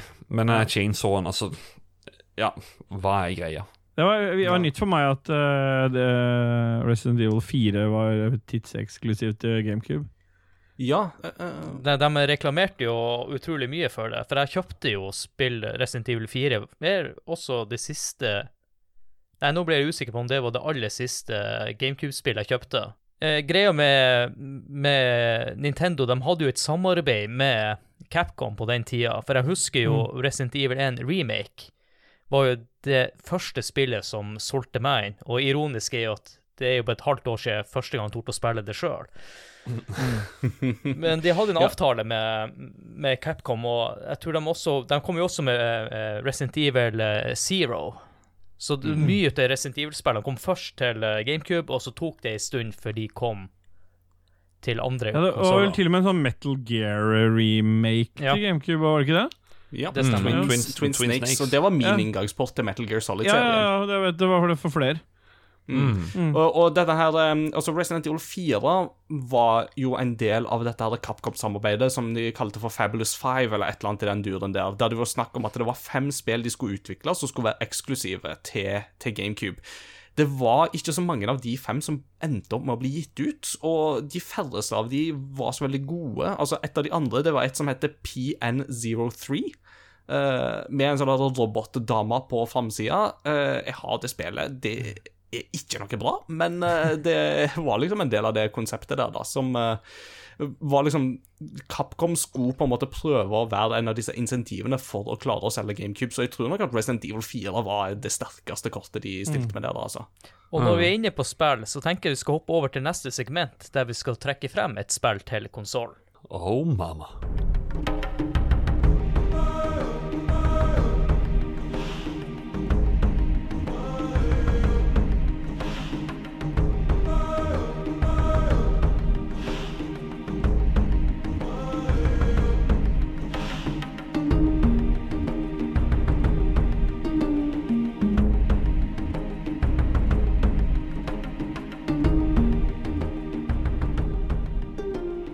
Da skal vi snakke litt om eh, spillene. Og eh, Håkon, har du lyst til å være førstemann ut?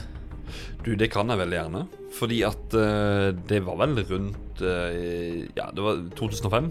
Tidlig 2005. Hvor jeg var nede på GameZone, og der så jeg en uh, pappeske litt stor. Uh, Sto det plutselig Zelda Force Swords Adventure. Jeg bare Hæ?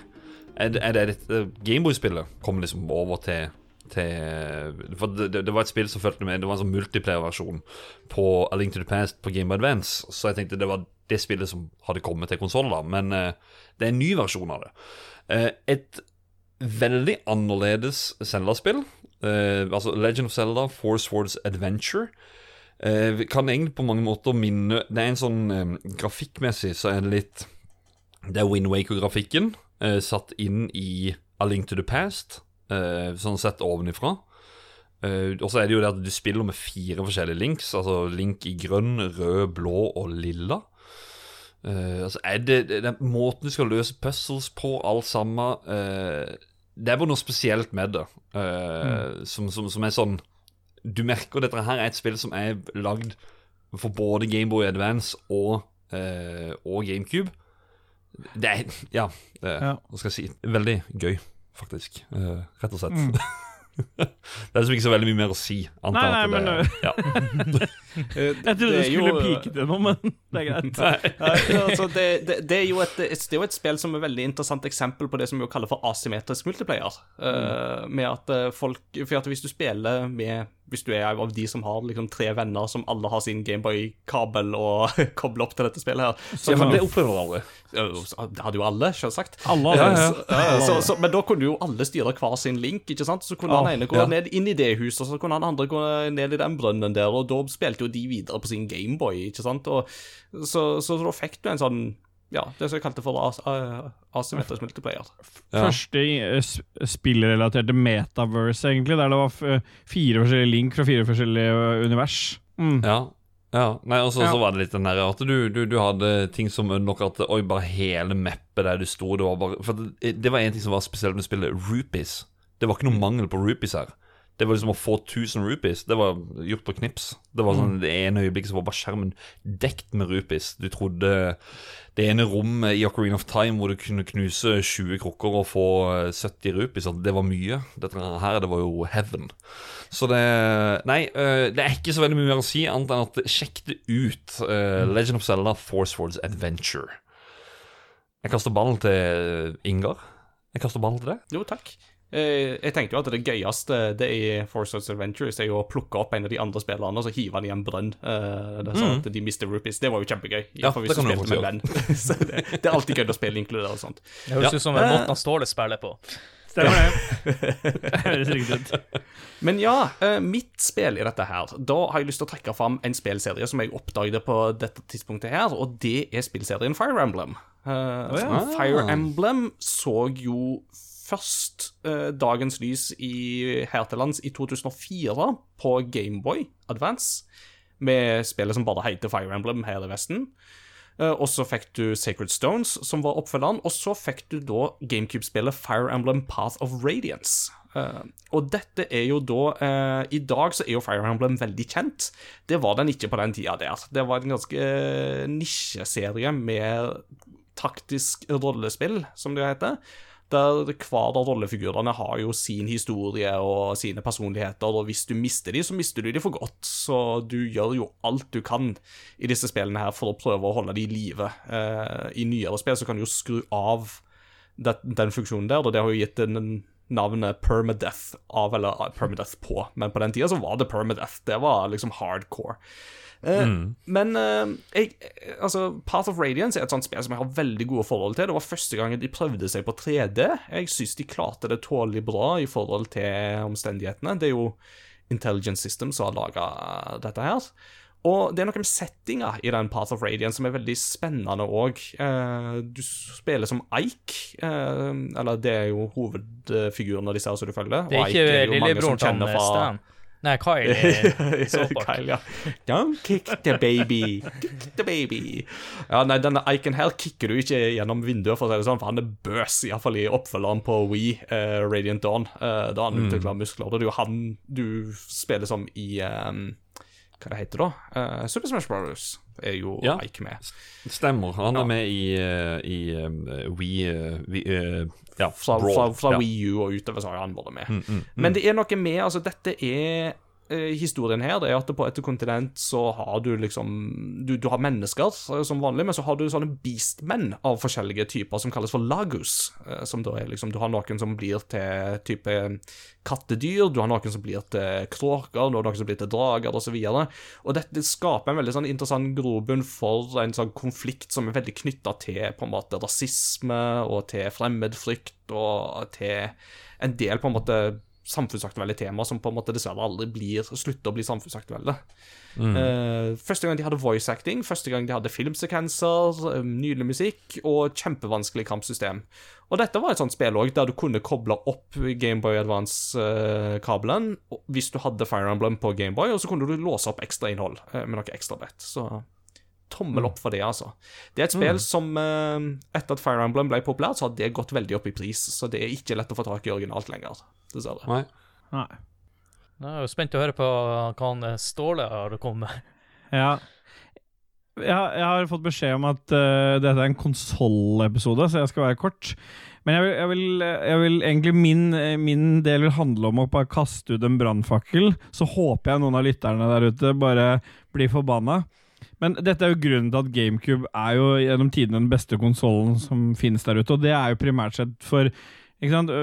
De kom, det er jo der både Pikmin og Animal Crossing oppsto. Det er eh, eh, Husk på at Metroid skippa jo hele N64-eraen, eller perioden, med å komme inn her med Metroid Prime.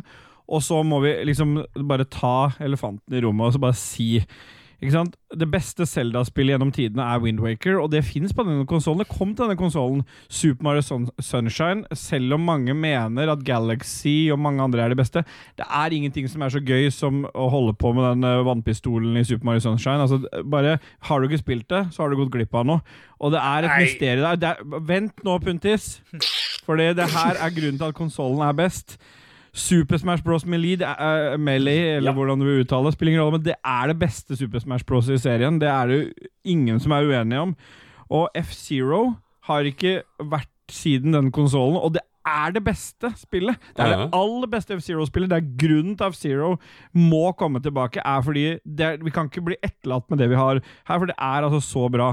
I tillegg så er serier som Mario Golf og Mario Tennis har jo bare vært liksom, har bare blekna i forhold til hvor mange uendelige timer jeg har, spesielt i Mario Golf på GameCube. Altså, det jeg har b- b- gode, gode minner av meg og en kompis som har liksom Fordi det var, det var den tiden der hvor ikke alle karakterene bare var gitt til deg fra starten. Du måtte bruke mange, mange mange timer for å få liksom unlocka alt av karakterer. Og jeg husker vi søkte Hvor, hvor er den siste? Det var, ikke sant? Hvor finner vi den hen? Og, så det, og, Mar, også, og Mario Kart. Det beste Mario Kart-spillet fins på GameCube. Mario Party 4, 5, 6, 7. Uh, altså OK. Uh, og Mario, eh, og Mario eh, Paper Mario. Og og Luigi's Mansion.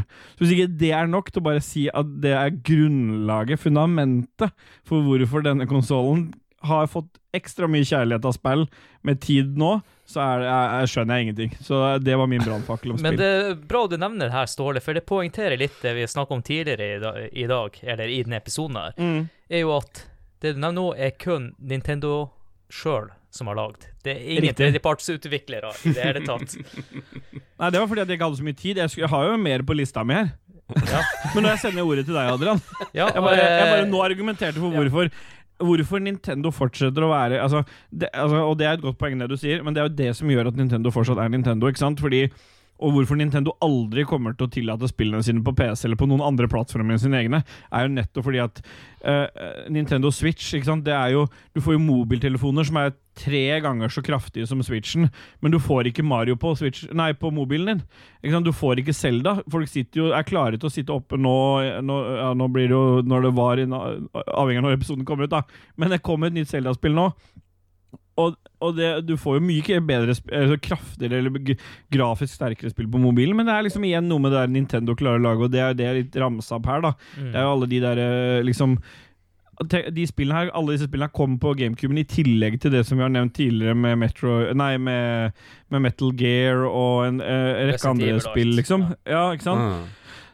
Så, så det, det, det er kanskje ikke solgt så mye, og det er en litt undervurdert konsoll. For det er, helt, det er altså så mye magiske spill på den. Så inviter meg tilbake når vi skal snakke om Wii U, for der også er det en sånn Der også finnes det en sånn du, rekke. du, du vil kun snakke om konsollene som har solgt minst, minst i Ja, men det er så, er Nintendo. undervurdert. og Jeg ser Ingar rekker opp hånda også, for han er helt enig.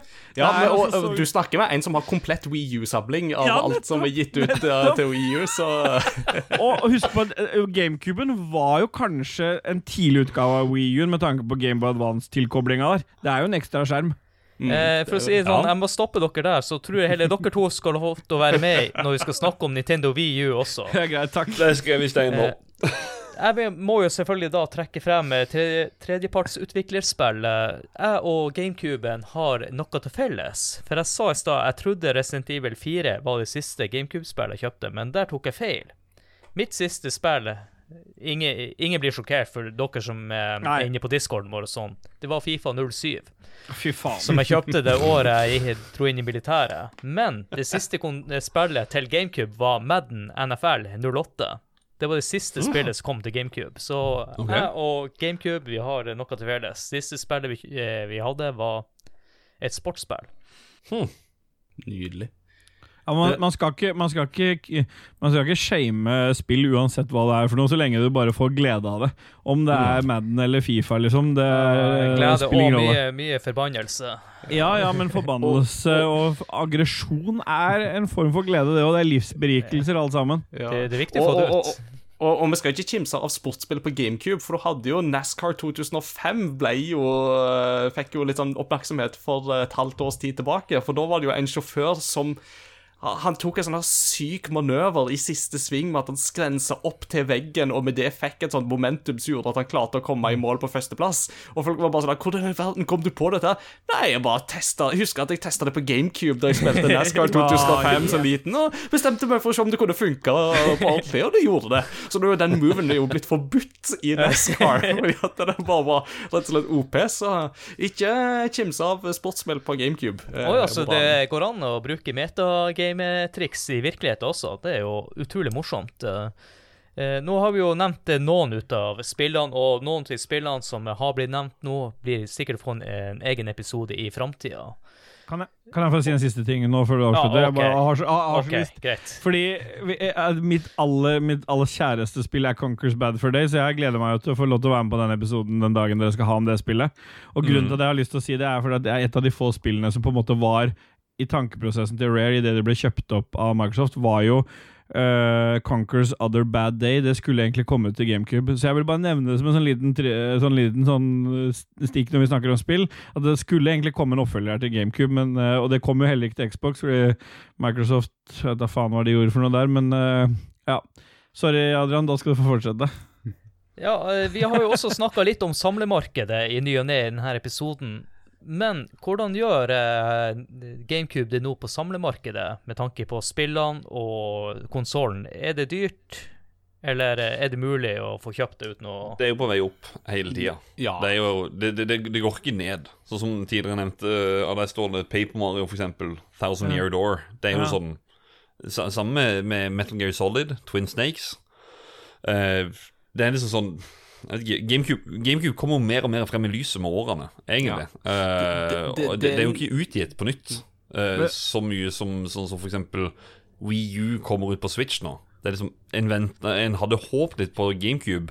Spillet skulle gjøre det samme, men de har ikke gjort det, og dermed er det sånn Men De blir der. Og da, jeg ja. tror grunnen til at GameCube kan liksom øh, være en sånn konsoll som lever litt lenger enn mange Altså i det, i det segmentet mellom der. Det er for eksempel, Mye av den kritikken som har vært mot Nintendo 64, er jo at på en måte de spillene kanskje ikke har holdt seg så godt. Men det har de jo.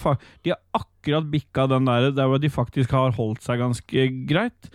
Og det så Mm. du litt på den der 3D Allstars-pakka som ble gitt ut i Switchen, med en kombinasjon av Mario 64, Sunshine og Galaxy.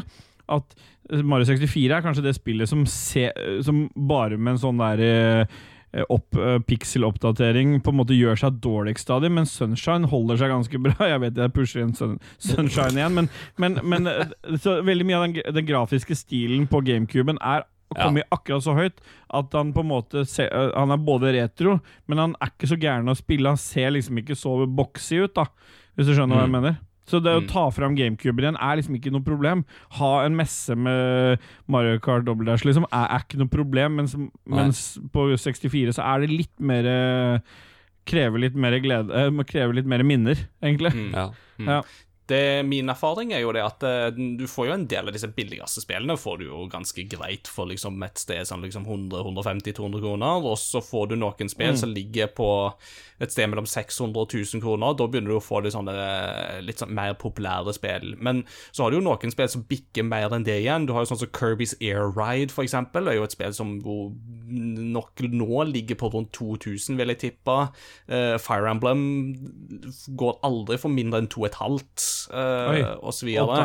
Så, og jeg tror det er om det er et som heter Gacha Robo, eller noe sånt. Altså, da tenker jeg ikke på Chibi Robo, men Ja, jeg eh, ser Gacha det. Robo. eh, det òg er jo sånt som bare er liksom 3000, eller noe sånt, tror jeg det ofte ligger på. Så det er ikke Nintendo 64-priser, altså sånn med tanke på det liksom dyreste der, men du har noen titler her òg som kan utmerke seg i det dyrere sjiktet. Skies of Arcadia på GameCube er jo òg en sånn som eh, bikke tusenlappen fort, altså. Så Ja. det Og så er det det at du, du trenger ikke Du trenger ikke liksom å ta, ta de, de Kall det ukjente titlene. Altså, du kan gå inn for de eh, vanlige titlene. Sånn som Ok, da, Nå nevnte jeg Force Force Adventure. Det går for sånn typ mellom 1200-1300 ish. Men Twilight Princess det ligger på over tusenlappen. Eh, Collectors Edition av Zelda eh, det ligger også for rundt tusenlappen. Eh, altså, det, det, det er liksom de vanlig kjente spillerne som, som også har gått veldig oppover i pris, og det er spesielt, da. Men, men Så- eh, bare sånn samlerteknisk spørsmål fra en som ikke kan så mye om samling. Eh, hvordan er det dette her For én ting er å være samler på kassett og alle disse her eldre formatene, men mm, kjensgjerning er jo en kjensgjerning at CD-formatet på en måte har en begrensa levetid. Hva, hvordan påvirker det liksom For jeg vil tro det kanskje har noe å si for samlemarkedet. Det, ja, en ting er at du vet at det du kjøper, du kan trykke, starte det og se at det funker, men det har jo fortsatt begre, mer begrensa levetid enn en, en cartridge fra 60, Nintendo 64. Ja, øh, hvis det er godt ivaretatt, så tror Ja. jeg jo at det 25 år er vel på en måte et Mm. anslått levetid for den slags type formater. Og nå Ja, ja. har jo GameCuben har jo bikka 20, så det er klart at dette Vi vil jo komme til et tidspunkt her nå der øh, den bevaringen av den spillhistorien begynner å bli ganske prekær å få Du, jeg fiksa må på gå, jeg må selge samling her. jeg. Ja, ikke sant? For det, det er jo et poeng. At, at liksom, Ja. For jeg har jo opplevd opp igjennom Og det har jo noe med kvalitet å gjøre. Har jo opplevd å ha eh, se, brente CD-er fra back in the day som jeg har putta i CD-spilleren, og som bare har ikke vært noe på lenger. At de har liksom bare gått, gått i stykker. På, og så har jo det litt om kvaliteten på, det man, eh, på de brente CD-ene, og på hvordan det er gjort. ikke sant? Og ofte så var det jo sånne type produkter som det her som er kjøpt sånn som det her, som du sier, litt lengre levetid, men det begynner jo å bikke en punkt der hvor inne, altså det er en peak eh, På en måte så vil det jo være peak snart, da, for det- det- etter hvert så er det jo et under om de vil spille fortsatt spille, på en måte. Mm. Mm. Så det er jo litt sånn interessant med den delen av samlermarkedet, da. Ja, nei, jeg, jeg har faktisk aldri tenkt noe særlig på det der, egentlig. Så det Nei. Ja, godt Jeg tror nesten vi må stoppe oss her, for Sorry, han, Håkon ja, er jo så utrolig Han Håkon er veldig glad i spillsamling og sånne ting. Så Ja, hvis han. Håkon hadde vært alene her på episoden, så hadde det sikkert vært snakk om det her i to timer til. Men vi må komme oss videre i episoden her. Vi må det, vi må det. Ja, Beklager, Adrian. Og vi skal først eh, eh, gå gjennom ratinga, men denne gangen skal vi ikke bruke Nintendo-magasinet sine kriterier og Eller vi skal jo vel bruke skalaen, men ikke kriteriene. Vi skal bruke fin- vår egen modifiserte eh, ratingsystem. Fordi at vi har jo basert ratinga til vanlig på spilleepisoder, så har vi det etter Nintendo-magasinet. Vi måtte modifisere litt rundt på en eh, for å få det til å passe til konsoller, Mm. rett og slett. Det stemmer. Og første kriteriet er utseende, og så har vi kontrolldesign, så har vi brukervennlighet, spillbibliotek og til slutt grafikk og lyd. Og denne gangen skal jeg være førstemann ut. Utseende Her tror jeg gir konsollen en nier. Mm. Og da Mm. kan jo eh, han Ingar være nestemann ut. Ja.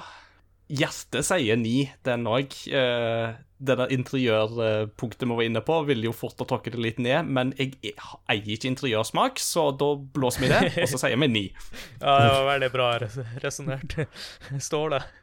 Ja, og, og, men, men med det resonnementet så, så ja, Vi må jo ikke tulle med dette her. Altså, Ja, den er lilla, den er firkanta, og jeg skal være kjapp, ja, ja, ja. Men du kan bare gjemme den vekk. Det er jo et håndtak på en fuckings konsoll fra 2001. Det er jo en ti. Det er jo ti. Det blir jo ikke bedre enn dette her. Ja, eh, Xbox eh, Series X er jo en kopi, bare litt høyere. Det er fortsatt Jeg har poengtert dette her med den lilla fargen som jeg aldri skjønte greia med. Jeg, jeg var irritert meg over det. Vi fikk jo sort, øh, men lilla var liksom øh, hoved, øh, hovedfargen. Eh, Dermed så går jeg ned til 9,5. 9,5. Ja.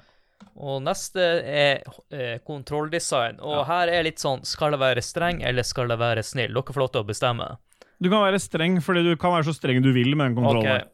Jeg trekker han eh, 0,1 poeng på grunn av eh, C-spaken. Nettopp. Uh, Ingar. Ja, altså Ti av ti. Det, Ja. det er ikke spørsmål her, altså. Det, det, det, det. dette er fortsatt en av mine absolutte favorittkontrollere. Det, Jeg skjønner at det noen Eller jeg prøver å skjønne hvorfor noen ikke liker den, men det er, sånn, det er mer sånn I respect it, I don't understand it. Ti av ti. Ståle. Ja, det er ti av ti. Det er eneste grunnen Ja. til å skjønne det, er hvis du ikke har hender. Så gir jeg også Og det er jo noen som ikke har, så det skjønner jeg. Men for meg som har det, så er det ti av ti. Ja. Jeg er veldig glad i en translåt som heter The Perfect 10-10-10, og det er det vi fikk nå. Nå fikk vi tre tiere på appen. Oh yeah. Brukervennlighet. Det er et godt spørsmål. Eh, nå har jeg jo sagt til eh, gjengen her at vi skal være raske, og jeg sliter litt med å, å finne ut hvor jeg, hvordan jeg skal eh, tenke på det. Brukervennlighet. eh, De andre kunne spille DVD-spillere, den her litt billigere. Det er jo, det er jo en, en, enkel å, en enkel å koble til. Er det enkelt å forstå? Er det, er det som Ja, men så mye annet er det, add-ons Trenger du ting og tang? Jeg vet du hva, jeg gir han eh, ni. Jeg går på en åtte på denne her, faktisk. Eh, den er plug and play, kjempelett å bruke og alle sånne ting som det der, men et lite minus for at hvis du skal få fram denne option-menyen, så må du vite at du må holde inne Z-knappen i oppstartsfasen, og det er en sånn Det, det er litt for kronglete. Så da, da trekker jeg litt. Ja. Jeg, jeg henger meg på deg på det. altså. Det er litt Ja. sånn der brukervennlighet på masse ting, egentlig. Det er eh, Ja. Nei, men jeg, jeg er enig. Det det er liksom Det være Det er plug and play, men det er fortsatt et lokk som popper opp, og ikke en uh, ting som kommer ut, på en måte som du bare trykker inn og starter opp. Og det er som du sier, uh, det minte meg på det også, at det er nettopp det der med den der uh, menyen. Uh, og så er det liksom Ja, det skulle, på den tida så er det andre som har mer plug and play, så hvis vi liksom skal sette et tall på det, så er åtte av ti mer riktig, fordi Xbox eller andre kanskje hadde allerede pakka der. Så man må liksom tenke det i bakhuet, at liksom det er andre på markedet i samme tid som har liksom enda mer plug and play. Så ja, akkurat på det er det nok det. Åtte av ti. Ja. Åtte av ti her òg, av noe Nintendo ikke lærte da heller. Det er det at eh, Ta nå og gå litt universal på strøm, da. Vær så snill. Og det klarte de jo aldri. Så du må ha en spesiell type strømkabel. Bare Du slipper å ha den feite klossen på baksida, sånn som du måtte på 64-en, som er totalt ubrukelig. Men også det at eh, eh, Det å åpne disklokket det er bare en plastikkswitch, på en måte. Det, er ikke, det, er ikke, det er ikke en elektronisk knapp, sånn som på PlayStation eller på Xbox, som får noe sånn For det, Der er det sånn Får noe kliss nedi der, så er han stuck. Og da Ja. må du åpne, og da må du ha spesielle skru, skrujern og diverse. Så jeg gir han åtte. Ja. Neste er spillbibliotek, og her er det jo litt Ja. Vi har jo snakket om det tidligere. eh, Veldig bra eh, spill fra Nintendo sjøl. Uh, si Resten av røkla har ikke kommet med noe særlig til denne konsollen. Du har eh, et Shrek-spill som jeg så, som var ganske Åh, det er som fighting-spillet. Oi. Nei, jeg, jeg kan jo ikke gi Jeg tenker åtte og en halv er grei, og det er på grunn Det som berger denne karakteren, er Nintendo sjøl. Foruten dem så hadde jeg ikke gått. Og med litt hjelp fra Konami og Capcom og litt sånne ting. Mm. Ja. Eh, hvis vi bare ser på Nintendos egne, så er vi jo på en ni, nesten ti her, altså, for min del. Men det er det der som du sier, at tredjepartsstøtten er altfor svak, og det på en periode der PlayStation 2 dominerer på det der. Altså, der har du jo så store serier. Kingdom Hearts, Metal Gear, Final Fantasy, Devil May Cry, uh, Okami, Grand Theft Auto, you name it, ikke sant? Alle disse her glitrer med sitt fravær på GameCube, og det, det, fantes noen gode ting uh, altså på GameCube òg, men det kom altfor lite ting som ikke var fra Nintendo sjøl, og der er du fort nede på syv eller seks av ti, altså. Så jeg lander på en åtte totalt. Det blir på en måte kompromisset her. Eh, mm. Nintendo sjøl har nok knapt vært sterkere enn det de var da, da, men eh. Ja. ja. Jeg skal, jeg skal moderere meg. Men jeg syns du er... skal tas opp nå. Nå har du jo hausa opp her i stad. Ja, skal, ja, det det jeg, ja, ja, jeg sier jeg skal moderere meg, men jeg sier hvis jeg tenker på spillminner som er de viktigste og beste for meg, så ha, er det noen helt insane minner jeg har med de Så ja, altså Dere vet kanskje Dere vet jo ikke det, men, men min, eh, min uh, F-Zero-kjærlighet uh, er ekstrem. Og hvor mm. mye, jeg F-Zero jeg har kjørt på GameCube, og hvor mye altså, Og Windwaker. Og ja, det, ja, jeg er enig i tredjepart, men tredjepart har aldri vært viktig for meg sånn i Nintendo-sammenheng. Jeg kjøper ikke Nintendo for at de skal måle seg med tredjepart. Så når du spør meg om GameCube, så har jeg lyst til å si ti, men jeg skjønner at jeg ikke kan si ti, så det blir ni og en halv. Ja. Det står det respekt av. Jeg er litt glad også for at du tar opp her, når jeg, jeg skal... og har vært litt streng. ja, jeg skal, jeg skal, gå på nieren, fordi at uh, det, er, det, er, litt Som, som Ingar sa da med, med PlayStation 2 der, at ja, du, du har mye bra titler, men da skal jeg hoppe ned til PlayStation 1, som jeg sa der, det er så jækla mye ræl. Sånn, det er helt insane mye bra spill, det er det, men det er insane mye ræl. Uh, jeg tror det er mer OK og bra spill på GameCube enn ræl. Jeg tror bare det er et sånt knippe med, med, med ræva spill til, til ja, GameCube. Ja, for du må velge, Hvis du skal velge ut noe som liksom, liksom Og jeg har lyst til å gå tilbake, da, hvis noen som hører på liksom, jeg har lyst til jeg Kjøpe meg en GameCube. Så kan du kjøpe deg en GameCube, og så kjøpe deg uh, F-Zero, og så kan du ha gjort Så er det alt du trengte her i livet, liksom. Ja. Eller, og, altså, sånn, det er ikke så mange konsoller som har den muligheten til å liksom Du kunne kjøpt en konsoll og ett spill av de jeg har nevnt tidligere, og så kunne det vært grunn nok til å eie de to tingene. Jeg er ja. nesten bikker på ti, men jeg står på ni og en halv pga. det jeg har sagt. Men, men, men, altså, det er så på det nivået. Det er liksom Jeg har så mye bra minner av det, liksom. Mm. Nei, så den, den, den, lista som du nevnte i stad, Ståle, foruten Super Mario Sunshine, eh, er jo at uh, spillene er helt fantastiske. så det er ni av ti der, altså. Yes. Neste ut er jo grafikk og lyd. Eh, her føler jo at uh, GameCuben gjør det egentlig ganske bra. Også mm. det jeg har sett på video av uh, Nå har jeg ikke gått så mye inne på alle de hardwaren og, og sammenligna med de andre konsollene, men den, den, gjorde det mye bedre enn de andre konsollene på enkelte områder. Absolutt. Uh, jeg føler ikke at GameCuben grafisk og lyden og alt det var noe dårligere enn konkurrentene. Eh, jeg husker tilbake til eh, Resident Evil 1-remaken og så bildene og alt det. Det var jo helt sinnssykt. Nå, nå har jeg lyst til å gi det en eh, Jeg gir det en nier. Ja, det er Jeg stiller meg bak den, altså. Det er mm, Du kan plukke opp veldig mange GameCube-spill i dag, og de er fullstendig spillbare. Og det syns jeg er veldig interessant, for dere påpekte jo det i PlayStation-episoden, at den polygongrafikken på liksom, PlayStation 1-æraen, det er jo kanskje den som har holdt seg minst i ettertid. Mm. Uh, Super mm. Nintendo-æraen har holdt seg veldig bra. GameCube har holdt seg veldig bra, men den imellom der har ikke holdt seg like bra. Og dette spranget der, altså, er eksepsjonelt. Uh, og her, her, vil jeg bare skyte en anbefaling om å plukke opp en litt sånn ekstra god kabel for Retro Gaming Cables UK. Uh, plugg den i uh, TV-en, og så har du crisp, clean bilde. Ofte til og med i 60 mm. frames, uh, mm. som er nydelig, altså. Og på enkelte spill som kommer på flere plattformer, så utmerker GameCube-versjonen seg faktisk, altså. Så Ni av ti her òg. Det, det, det, er liksom noen ting her og der, men fortsatt en dag i dag så vil jeg si at plug and play-faktoren her er forbausende god. Enn du, Ståle? Ja, eh, altså Det, det som er, er at liksom, det, er, det er to ting her, da. Ikke sant? Det, det er både eh, grafisk og lyd. Og jeg, er som deg, Adrian, jeg er litt sånn usikker på åssen man hvordan, ikke sant? For i gamle konsoller snakker man om lydchip og lydbrikke og sånn. Og det er noe, det er, hvordan det er her, det er faktisk Det skal jeg ikke øh, si at jeg kan noe om. Men ikke sant, sette på musikk fra Nintendo 64, det er jo Ja, Da er det fordi noen har lagd en bra låt, ikke fordi at det er så veldig bra lyd. Men uh, det vi hører nå i bakgrunnen, ikke sant, Puntis, det er jo noe musikk fra, fra F-Zero. Og det, du hører jo sjøl nå, når vi tar en liten pause akkurat her nå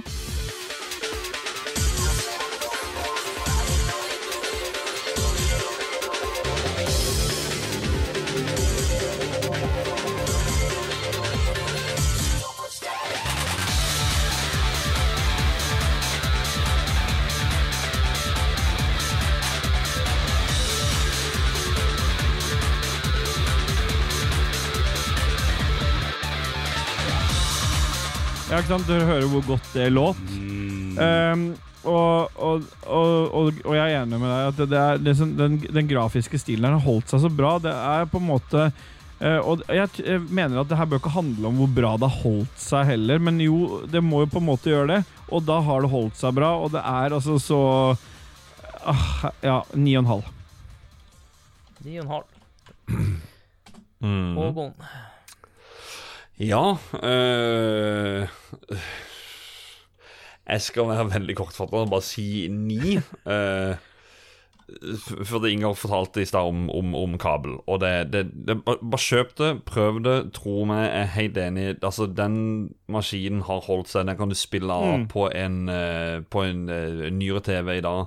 Bare kjøp riktig kabel. Det er egentlig alt det går på. Så skal dere se at det har absolutt holdt seg på både grafikk og lyd. Jeg bare se på det Sunshine-spillet på Allstars-pakka på Switchen, liksom.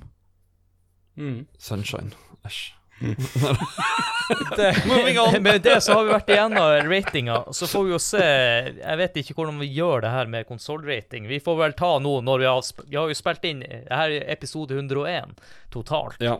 Så Ja. kanskje i slutten av året, når spillet blir fem år, at vi tar og sammenligner alle konsollene og ser hvem som har scora høyest. Det er jo spennende. Så får Ja. Håkon eh, regne sammen tallene og Yes. Epi ep Episoden her eh, begynner jo å bli ganske lang, og vi har en lang lyttespalte. Vi må kjøre på. Oh, ja, Yes. Vi hopper over til lyttespalten her, eh, folkens. Woohoo!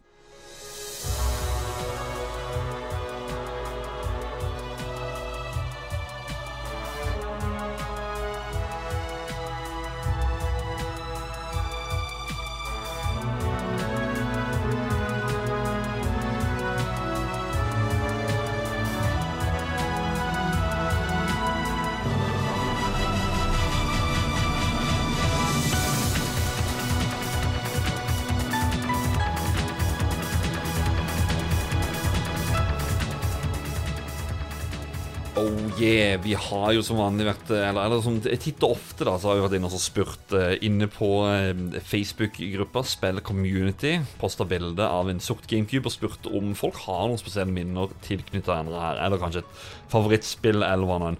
Og jeg må jo si responsen har jo vært eh, Novelle på novelle på novelle her Som resten av episoden, egentlig.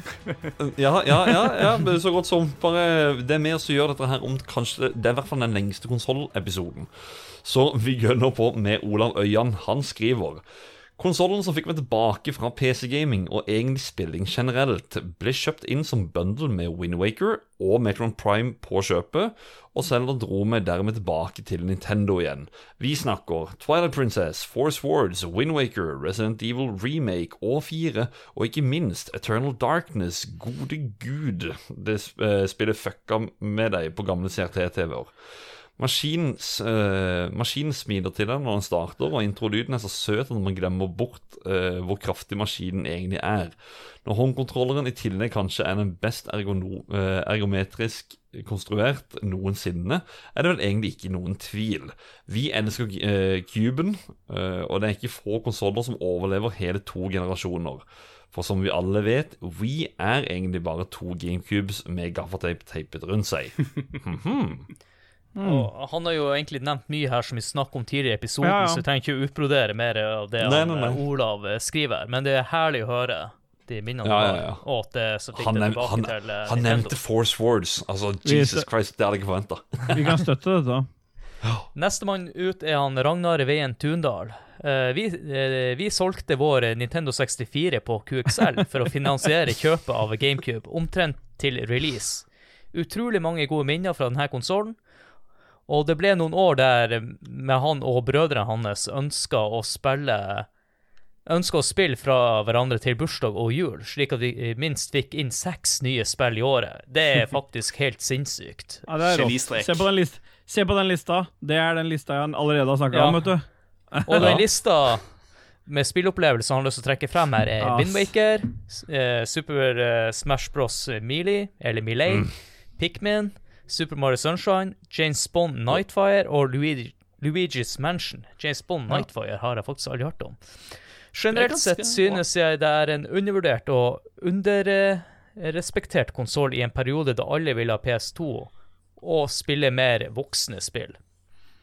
Men, men Ragnar, da skjønner du nå at selv om, selv om det er på en måte tiden da, så har jo vi gjort stas på konsollen nå. Det er ikke noe tvil om at vi syns eh, eh, GameCube er bedre enn eh, PS2. Ja, nå skal jeg ikke hive folk under bussen, men jeg sitter jo med et inntrykk av at de Ja, nå kan jeg bli veldig upopulær med å bruke de her sterke ordene, men vi, vi, vi nerdene eh, foretrakk Nintendo, Stemmer det? Stemmer det? og de vanlige casuals gikk over til PlayStation 2. Nå, det kommer det. Jeg, jeg hører jeg, hører jeg hører det begynner å brenne i forum her nå. Men det er bra. det er bra det skal, du, Dere skal lage engasjement også, fordi jeg kan ta ordet videre med Erik Berntsen, som sier at 3. mai 2002, lanseringsdatoen til GameCube, sitter fortsatt fastbrent i hodet mitt etter alle disse årene. GameCube var den første konsollanseringen jeg fulgte tett gjennom magasiner og internett. Det var veldig fint at jeg fikk lese opp han, kjenner jeg, for jeg kjenner meg litt igjen i det. Fra Dolphin-kodenavnet ble offentlig til den endelige utgivelsen. Som Håkon, eh, som Håkon gikk jeg til anskaffelse av den svarte kuben, men jeg måtte vente. Eh, men jeg måtte vente et par uker etter lansering for å spare litt ekstra penger. Det første spillkjøpet ble selvfølgelig Super Smash Bros. Melee. Hva, hva, hva er riktig uttalelse der, egentlig? Melly. Melee. Ikke Melee. Melly. Ja, da, Ja, jeg Melly. ville sagt, Mel- jeg ville sagt som Melly. Melly. Melly. Er det ikke Melly? Ja, vi sier det. Melee. Det jeg husker best med GameCube, er nok de utallige multiplayer-øktene sammen med venner og familie. Utal Oi. Utallige timer har gått med til fireplayer Smash Bros, Mario Kart, Timesplitter 2 fylte tomrommet etter Golden Eye, og Naruto Clash of the Ninja var et flott alternativ når man ble lei av Smash. Eh, Sistnevnte er også det første spillet jeg importerte fra Japan. Selvfølgelig har konsollen også masse flotte singleplayerspill. Metroid Prime er fortsatt blant mine topp fem spill, og Skies of Arcadia Legends dempet suget etter Final Fantasy. I dag foretrekker jeg å gjenoppleve GameCube-spill gjennom den fantastiske Dolphin-emulatoren, som får spillene til å ta seg mye bedre ut på moderne skjermer. Anbefales om man ikke har en CRT til original hardware. Eh, litt dårlig gjort at jeg måtte si anbefale der, men det var ikke jeg som sa det. Nei, en god CRT kommer man langt med her i livet. Ja, ja, Men, men, men vi har snakka litt om det. Vi skal gå videre. Men, men, eh, men ja, du kan emulere, og hvis du eier spillene, så er jo det den riktige måten å gjøre det på. At hvis du vil emulere, så må du eie det gjerne. Uh, men, men det er liksom ikke noe jeg vet, vet du hva? Jeg, det er ikke så lenge siden jeg fyra opp en GameCube hos uh, faren min på en, eh, på en prosjektor, på en måte. Og det, og det, det, det er dødsgøy, altså. Mm. Det, det har holdt seg på en sånn måte som vi snakka om i stad. Det liksom, Du må ikke emulere det. Det er bare å få det på med den intro-feelinga og alt mulig. Mm. Det er vakkert, Mm. rett og slett. Ja, det er det. Ja. Jeg tar stafettpinnen videre til Paul Ivar Hattelbø Svendsen, som skriver herlig og endelig ikke minst med en dedikert GameCube-podkast. Uten Ah, tvil yeah. min favorittkonsoll gjennom tidene med så mange perler på rekke og rad. Den første og kanskje det beste minnet var den gangen når maskina med en demodisk sto på en stand i leketøysbutikken før release, om jeg husker riktig. Så fikk en liten smakebit på opplevelsen, og jeg ble bare blåst av bana. Alt var en oppgradering fra Nintendo 64. Bedre kontroll, bedre grafikk og flyt, og ikke minst gameplay. Husker at jeg jobbet hele den sommeren i 02 med å selge jordbær, slik at jeg kunne få råd til dette beistet av en maskin med en ekstrakontroller pluss Luigi's Mansion og Super Smash Brothers. Sistnevnte var så altoppslukende og grensesprengende på mange måter at etter litt tid og stunder fikk en slik melding i spillet om at jeg hadde klokket inn hele 1000 timer. Det er dedikasjon. Etter min mening var det med denne generasjonen at Nintendo virkelig satte standarden på kvalitet over spill. Så mange gode, som Metroid Prime, Zelda Windwicker. F-Zero GX, Paper Mario, Button Kaitos, Smash, Star Fox, Mario Kart, Beautiful Joe, Pikmin, Chibi-Robo, Fire Emblem og Tales of Symphonia, ikke minst. Mario Sunshine var helt ok, etter min Nei, mening. men vet du hva? vet du hva, Paul? Du var jo så godt inni det der. Du hadde jo en flyt, så vi var helt enige helt i den siste setningen der. Ikke, ikke sant. Veldig morsomt at han nevner Button Kytos Det er det nyeste spillet jeg har kjøpt til min GameCube-samling, og jeg talte i dag og fant ut at det er da spill nummer 100 i GameCube-samlinga. Ah, nice. Ah, nice. Ikke verst. I, å nevne det i episode, vår episode 101. Det er 101, ja. Ja, så har vi vært Stein- ganske heldige, jeg og du, Håkon, fordi at uh, gjestene våre har hatt de lengste stilene, og nå får vi to korte hver. Oh yeah. For Steinar Stårby han skriver det beste minnet må være de kveldene jeg og en kompis eh, av, broderen fulgte spent med mens han, eh, mens han spilte Eternal Darkness. Husk at spillet kunne kødde med deg hvis du fikk lav eh, sanity. Som at TV-en plutselig gikk av, eller at volumet gikk ned. Ganske skummelt. Eh, når GameCuben takket for seg, eh, kjøpte han en ny, og den gamle ble brukt som askebeger i kjellerstua når de spilte DND etter eh, Eller hadde seg en fest. Ja. Hør så deilig. Og det var tider, vet du. Jeg, jeg, jeg røyka jo hardt uh, Malbro en periode, og jeg kan liksom se for meg DND i den kjelleren, og du bare vet at den gamecuben den er allerede brent, den er ferdig, så du bare sitter Men allikevel så er det et klinodium som skal stå der som et askebeger. Vet du hva? Det, for andre folk så ville du tenkt at det er noe drit, men akkurat her så er det jo bare som en sånn pokal på, på, på veggen. Men jeg må si det at Eternal Darkness Jeg har det jo, og det var jo, det var jo et av de første spillene jeg kjøpte. Men jeg skjønte det aldri. Jeg merka at dette her var ikke jeg var, jeg var for ung for spillet, rett og slett. Så det var, jeg har aldri spilt det. Så når jeg hører dette her, da, så er jo blir jeg litt nysgjerrig. da om Ja, må kanskje lage en til. eh, episode om det, og kanskje blir det en halloween-spesial ja. som vi bruker å ha. Oh.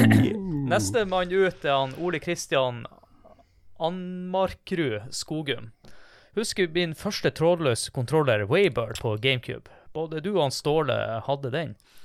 Husker også timevis eh, på seiling på King of Red Lion samt Ocarina of Time Master Quest, som var inkludert i Windwaker-pakken. Det husker jeg også, men jeg spilte det ganske lite. Og Ja, det den Master gull. Questen er jo litt tricky. Mm. Men det er jo Ja. å høre at det var flere som hadde Waybird. Ja, Ja. den er fin, den. det er Master, Master Quest. eh, Jeg begynte faktisk Ja, på det før jeg begynte på Windwaker, faktisk. Kult. For det var så nysgjerrig på hva det var for noe, så var det Oi, dette her var jo litt vanskeligere Ocarina of Time. Fett. Jeg tar bare plukker opp tråden, jeg, siden vi skulle være effektive. Det klarer vi ikke allikevel. Men Mats Leander Solheim Vik Han har bare gode minner til denne konsollen. Han fikk den eh, i jula det året den kom ut, sammen med Windwaker, som er en av mine favoritt-Selda-spill gjennom tidene. Så det er nok en god herremann, dette her. Det var litt det var litt rar og gimmicky på, på en god måte, med håndtaket bak, de små CD-platene og den ikoniske oppstartslyden, animasjonen, med hjerte-emoji. Og det er, altså, Vi har jo snakka om dette gjennom hele episoden, så det høres ut som lytteren er veldig enig. da. Må jo også nevne at den har et, den har et fantastisk spillbibliotek. ja, det har den. Som jeg har brukt massevis av tid på. Og så nevner vi igjen alle av fasiten som jeg har nevnt eh, tidligere i dag. Paper Mario, Mario Sunshine, Wind Waker, Twilight Princess. Twilight Princess glemte jeg å nevne, forresten. Metroid Prime, Smash Bros, Melee eh, osv. osv. kan referere til tidligere episoden. Virker som denne lista aldri tar slutt. Uh, husker også at jeg sparte penger til å kjøpe Tales of Symphonia, som ble et av mine favorittspill til denne konsollen. Mm. Uh. Han nevnte Altså- oppstartslyden, og jeg sier bare denne mot PlayStation 1, oppstartslyden, denne vinner, så det synger etter. Ja. Oh yes. Sorry, PlayStation-fans. Nei, nei, nei, nei, du må ha den, du må ha den med fire kontrollere. Ørjan Synnevåg Drottningsvik han vet ikke hvor han skal begynne engang. Fikk min far til å kjøpe den til meg på min lokale bonusbutikk før Power sin tid. Åh, bonus. Jeg har ikke tenkt på de på 18 år. Nostalgi kan være så mangt. Før ekspert òg, da. Ja, ja, før ekspert. ja, det var parallelt med ekspert. Hadde du bonus. Yes. Og det var da ved lansering. Første spill ut var Star Wars Rogue Squadron 2 Rogue Leader. Åh, det var mitt første Ja. møte med kuben òg. Det var nydelig. Det ble fortløpende kjøpt inn til det meste av James Bond-spill, hadde deala på James Bond på den tiden. Så over til det legendariske, og det jeg mener er de to beste, de to beste i sine serier, Super Smash Bros. og Mario Kart Double Dash. Mario Kart 8 har klart å ta overtaket i nyere tid, poengterer han. Må også ta med at Call of Duty Finest Hour også ligger i samlingen, samt Super Mario Sunshine og Sonic. For Sonic, en- yay! Ja. Jeg, hadde, jeg hadde en kompis av meg Han som var den første i klassen til å få GameCube. Han kjøpte da Sonic Adventure 2. Men 'Skal du ikke ha Super Smash Bros?' sa jeg. Nei, hva skal jeg med det, sa han. Men, eh, ja. Jeg, jeg hang med han fordi for han hadde GameCube, men eh, Ja, ja. Jeg kjøpte faktisk Rogue Leader og Sonic Adventure eh, 2. Jeg kjøpte de to sammen. Og uh, Sonic er resultatet av at jeg faktisk aldri spilte Rogue Leader. Jeg har faktisk ikke spilt det den dag i dag, men det ligger fortsatt i hylla her, og det har ligget hele siden. det, det, Det er magisk launchspill, for å si det sånn. altså.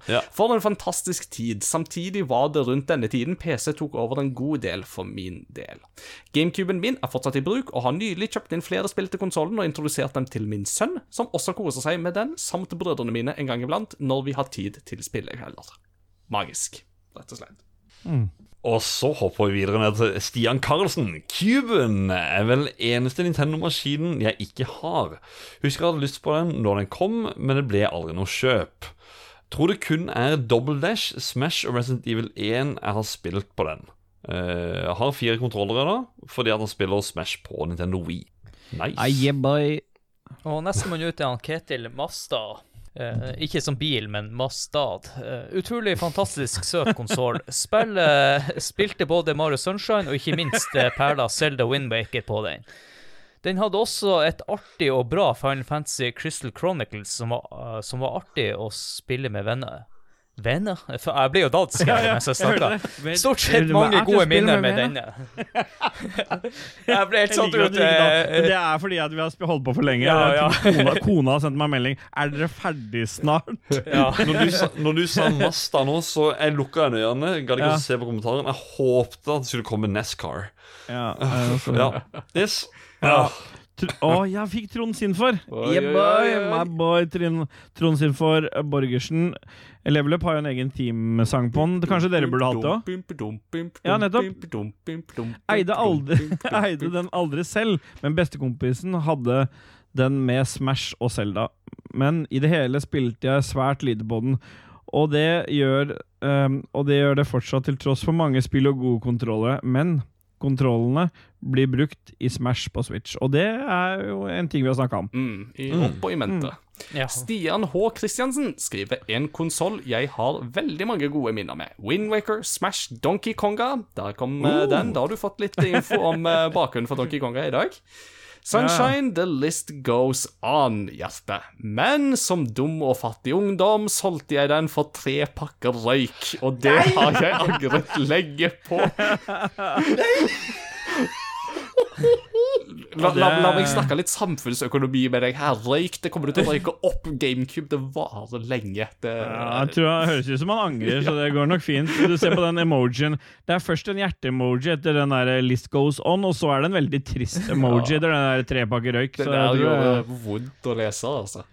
Nå skal du få lov til å gjøre en trade-off her, Håkon. Skal du ta stil til han Asim Ahmin, eller tar, skal du jeg ta tar stilen til Asim Amine. Det er ikke Ja, noe Da kan jeg ta alle, Ja. alle inne på, eh, på Ja. Bare til vår siste i, i gruppa her nå. Han heter jo Asim Amin, men det, det er en litt sånn ragequit-humor som han lever fint med at vi sier Ahmin, da.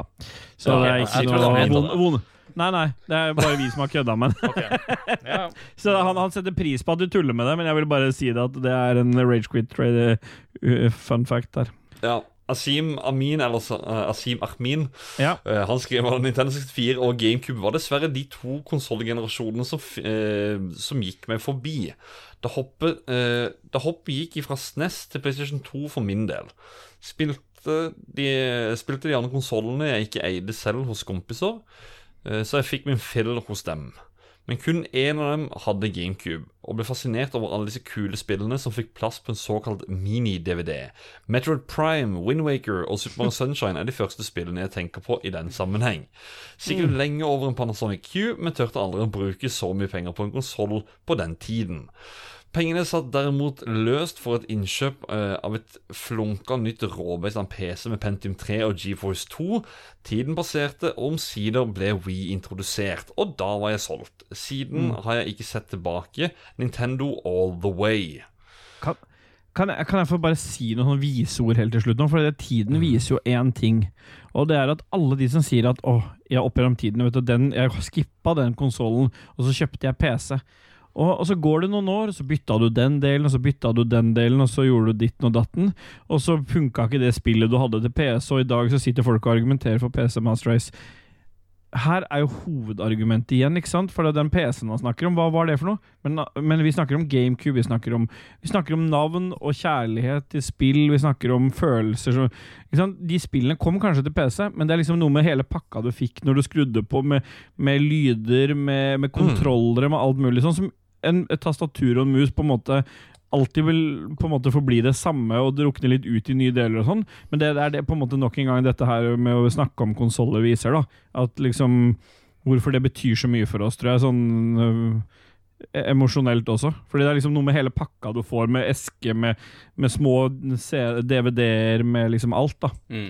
Så jeg vil bare avslutte med det, som nok en gang poengterer det. Du trodde at du Ja. avslutta, men vi har jo den her Ja, berømte spørsmålsspalten inne på Discorden som, Nei, som er litt rotete. Ja, ok. Eh, Så jeg skal okay. gå gjennom alt her, fordi at det endte opp med en diskusjon om kontrollen. Jeg skal ikke lese opp eh, Fotpromp sin kommentar der han kritiserer kontrollen. Så, Ja, Han har feil, selvfølgelig. så der velger vi faktisk å sensurere. Men jeg har lyst til å ta han eh, Fisto først der, som er Otto Gregersen fra podkasten Retrotime. Han skriver Fant Donald er et undervurdert spill til GameCube. Det burde alle prøve. Det har jeg ikke samlinga, men jeg tror ikke jeg har prøvd det ennå. Så jeg, kanskje jeg må se om jeg kan ta den opp på det i sommer. Ja. Det, så må du fortelle meg hvordan det var. Ja. For eh, jeg har ikke, ikke med med han. Nei da. Eh, ja. Uh, Molman skriver Spilte Eternal Darkness, uh, Sanities Re Requiem på GameCube. Det var ganske gøy for en Resident Evil-fan å se Nintendo prøve seg på horrorsjangeren. Og nestemann uten uh, Bono-mann Første gang han spilte Mario Kart var nettopp på GameCube. Spilte det nesten hver eneste dag etter skolen. Første spill han tenker på når han ser eh, GameCuben. da. Ja, og så var det han Fotpromp på slutten prøve å kritisere kontrolleren, men eh, det lar vi bare passere. Ja, men ta fem sekunder for fotpromp i vår podcast med ragequid litt senere. ja. Vi, vi mista kommentaren hans i en Ja, vulkan. Den, Ja. den brant opp. Samme med ringen i, i Ringens herre. Ja. Han ble til Gollum, han fotpromp, for å si det sånn. Han mista seg sjøl i hele den kontrollen her. Og, og med de vise Ja, og med de vise ordene ifra han Ståle og Ingar her, så, vil, så er det jo sånn at i spill så skal eh, alltid eh, gjestene få lov til å promotere det de holder på med, og uh, vi kan jo ta en uh, Ingar først her. Ja, eh, takk for det. Eh, Crossover Gaming har allerede blitt nevnt. Det er en podkast som vi òg nærmer oss fem år eh, nå i høst. Så har vi holdt på i fem år. Og vi slipper av og til noen spin-off-episoder som heter Retrospellauget, som også kan være interessante for de som hører på. Da, det siste spillet ut var faktisk Beyond Good and Evil, som jeg spilte på GameCube, så det passer jo godt. Eh, crossovergaming.no, da finner dere lenker til liksom alt. Podkasten, våre sosiale medier, Discord, you name it. Og podkasten er ute der podder kastes. Uh, og for ting som jeg skriver utenom, så er jo Game Reactor er stedet for det. Så seint som i dag som vi tar det opp, så har jeg kommet med anmeldelse av Tears of the Kingdom. Så det er jo litt stas, for å si det sånn. Så, Og dæven. jeg er veldig fornøyd. Det er vel ikke spoiler. Ja, gå inn referere til den. eh, Episoden er- kommer jo ut etter spillet har kommet ut, så Ja, det vet jeg, men uh, jeg, jeg, vi i Ragequid kan jo Vi er jo alltid etterpå. Vi er jo alltid litt treigt ute. For jeg tenkte jeg skulle ha, bruke det som en Segway til å si noe om Ragequit, for jeg antok at det var det du ville Ja. at jeg skulle gjøre. Um, det er jo egentlig ikke så voldsomt mye å si om Ragequit. Jeg har sagt det før, at uh, dere som er her og hører på dette ordentlige greiene, og, og det som, ingen- som akkurat ble uh, reklamert for her nå, det er nok det man må høre på hvis man vil høre på noe ordentlig.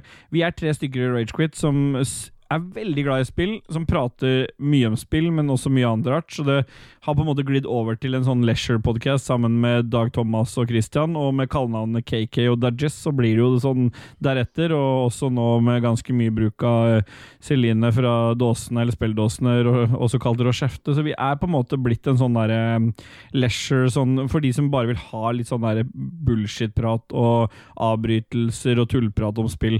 Og ja, vi har god forståelse for at ikke alle liker det. sånn at eh, det er ikke sikkert så mange herfra har lyst til å sjekke det ut, men, eh, men eh, det er nå i hvert fall en artig greie vi driver med i den store Lolba-familien. Så det er som vi pleier å spøke med, spill er vel den eneste av de podkastene i den Lolba-familien som på en måte kommer til å leve videre. Vi andre dør vel ut i en sånn der uh, prompehumor-seanse-sak. Men uh, sjekk det ut hvis noen har lyst til å ha litt humor og høre en litt mer useriøs versjon av meg, for nå har jeg tatt meg ganske godt sammen i to og en halv time.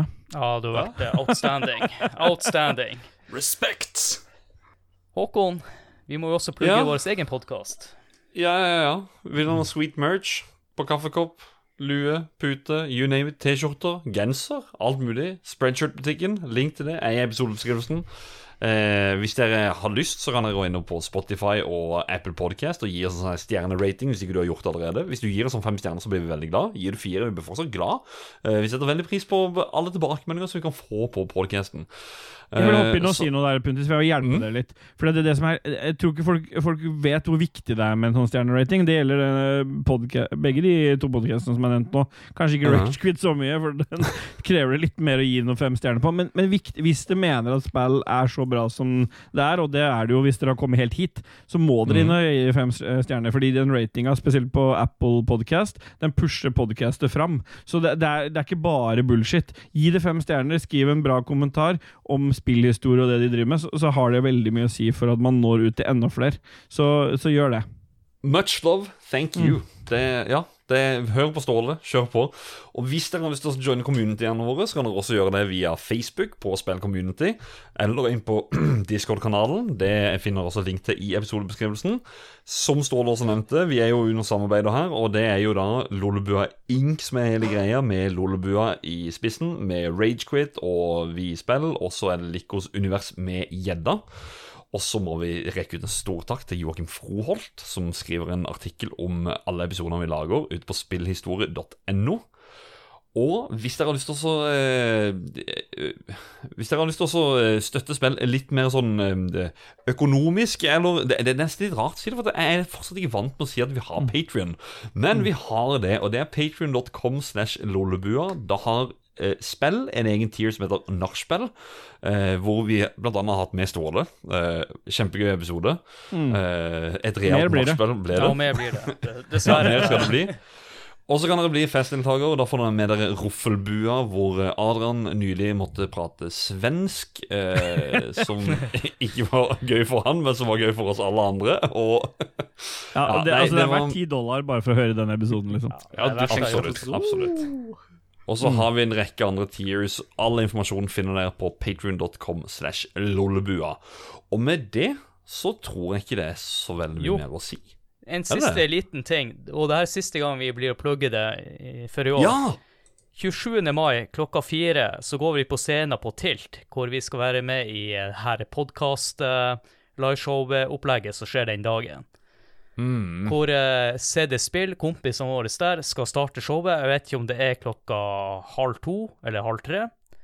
Og så er det Muskelknutene, eller eh, de heter egentlig Muskelnerdene. Jeg liker at du bruker våre, vår ragequit Ja, dere har er ødelagt, bra, eh, ødelagt meg. Ja, Jeg ja, skylder ser på dere. det. For det heter Muskelnerdene. Og så har vi jo skaffa oss et, eh, en oppvarmingspodkast for oss da, som heter Nerdelandslaget, som skal varme opp eh, scenen før vi går på klokka fire. Og så etter eh, vårt fantastiske show, så vil Level Up eh, være med på, på Ja. Nachspiel. på, på nachspielet og eh, roe dere litt ned, så dere kommer dere ned igjen på jorda. Og så er det vel Red Crew, og så er det Spillmatic, og så er det Lolbua, og til slutt så er jo han Ståle her med jentene fra spilledåsene og eh, ja, skal eh, Stemmer det. ja, sette i gang festen som skal skje utpå kvelden. Dåse Rage, eller Rage-dåsene. Det var vel noe Ja, det var, det var et av de navnene. Det- Vi Jeg- bryr oss ikke så mye om det. Vi skal ha det gøy, i hvert fall. Det Ja, Det, det, er vel, det er vel symptomatisk at dere kommer etter denne 20 pluss-aldersgrensa, Ja. er det ikke det? Stemmer, stemmer, stemmer. Og hvis dere er er like kule som han Ingar her, så joiner dere eh, på tilkast på lørdagen. Så nå Mm. outa jeg litt her, Ingar, så jeg vet ikke om du har planer eller ikke om å komme, men jeg håper nå at du tar turen. Jeg håper å få det Det er til. klippvegg, det er for han kommer, han. No promises, men jeg håper å ta turen. Også, Han er allerede der, han. Må vi jo takke av de fantastiske gjestene, og vi har jo eh, gjort en deal her med at eh, når vi skal snakke om VU, så blir de to samme folkene her, og det var utrolig gøy å ha deg med, Ingar, og eh, for dere som hører på podkasten, så har vi akkurat blitt kjent med han, Ingar. Så det er fantastisk. Uh, Føles jo som jeg har å gjort dette her veldig eh, titt og ofte, så du, det er bare en glede. Det er jo bare kjekt å Veldig, snakke veldig. om spill og sånt, og takk for at dere har lyst til å høre på, og at dere har valgt å ha meg med, og så kommer jeg gjerne tilbake ved en senere anledning, enten om Ja. Wii U, eller Virtual Ja. Boy, eller eh, et eller annet Oi. annet veldig nisje. Det ja, I'm down. Yes. Ja, Nydelig. Kjempekos å ha deg med. Kos deg også med, Ståle. Som Ja, alltid. jeg eh, blir jo ikke Det er- er lenger til jeg er med igjen, men det blir Conquers Battle for Day er neste kapittel, tenker jeg. Da sier vi yeah, bye. Yeah, bye. Og så vil jeg si takk til deg, Håkon. Ja, tusen takk til deg, Adrian. Og så vil jeg si tusen takk til dere hørte på. Og with that bombshell så sier jeg ha det! Ha det! Ha det! Na-na.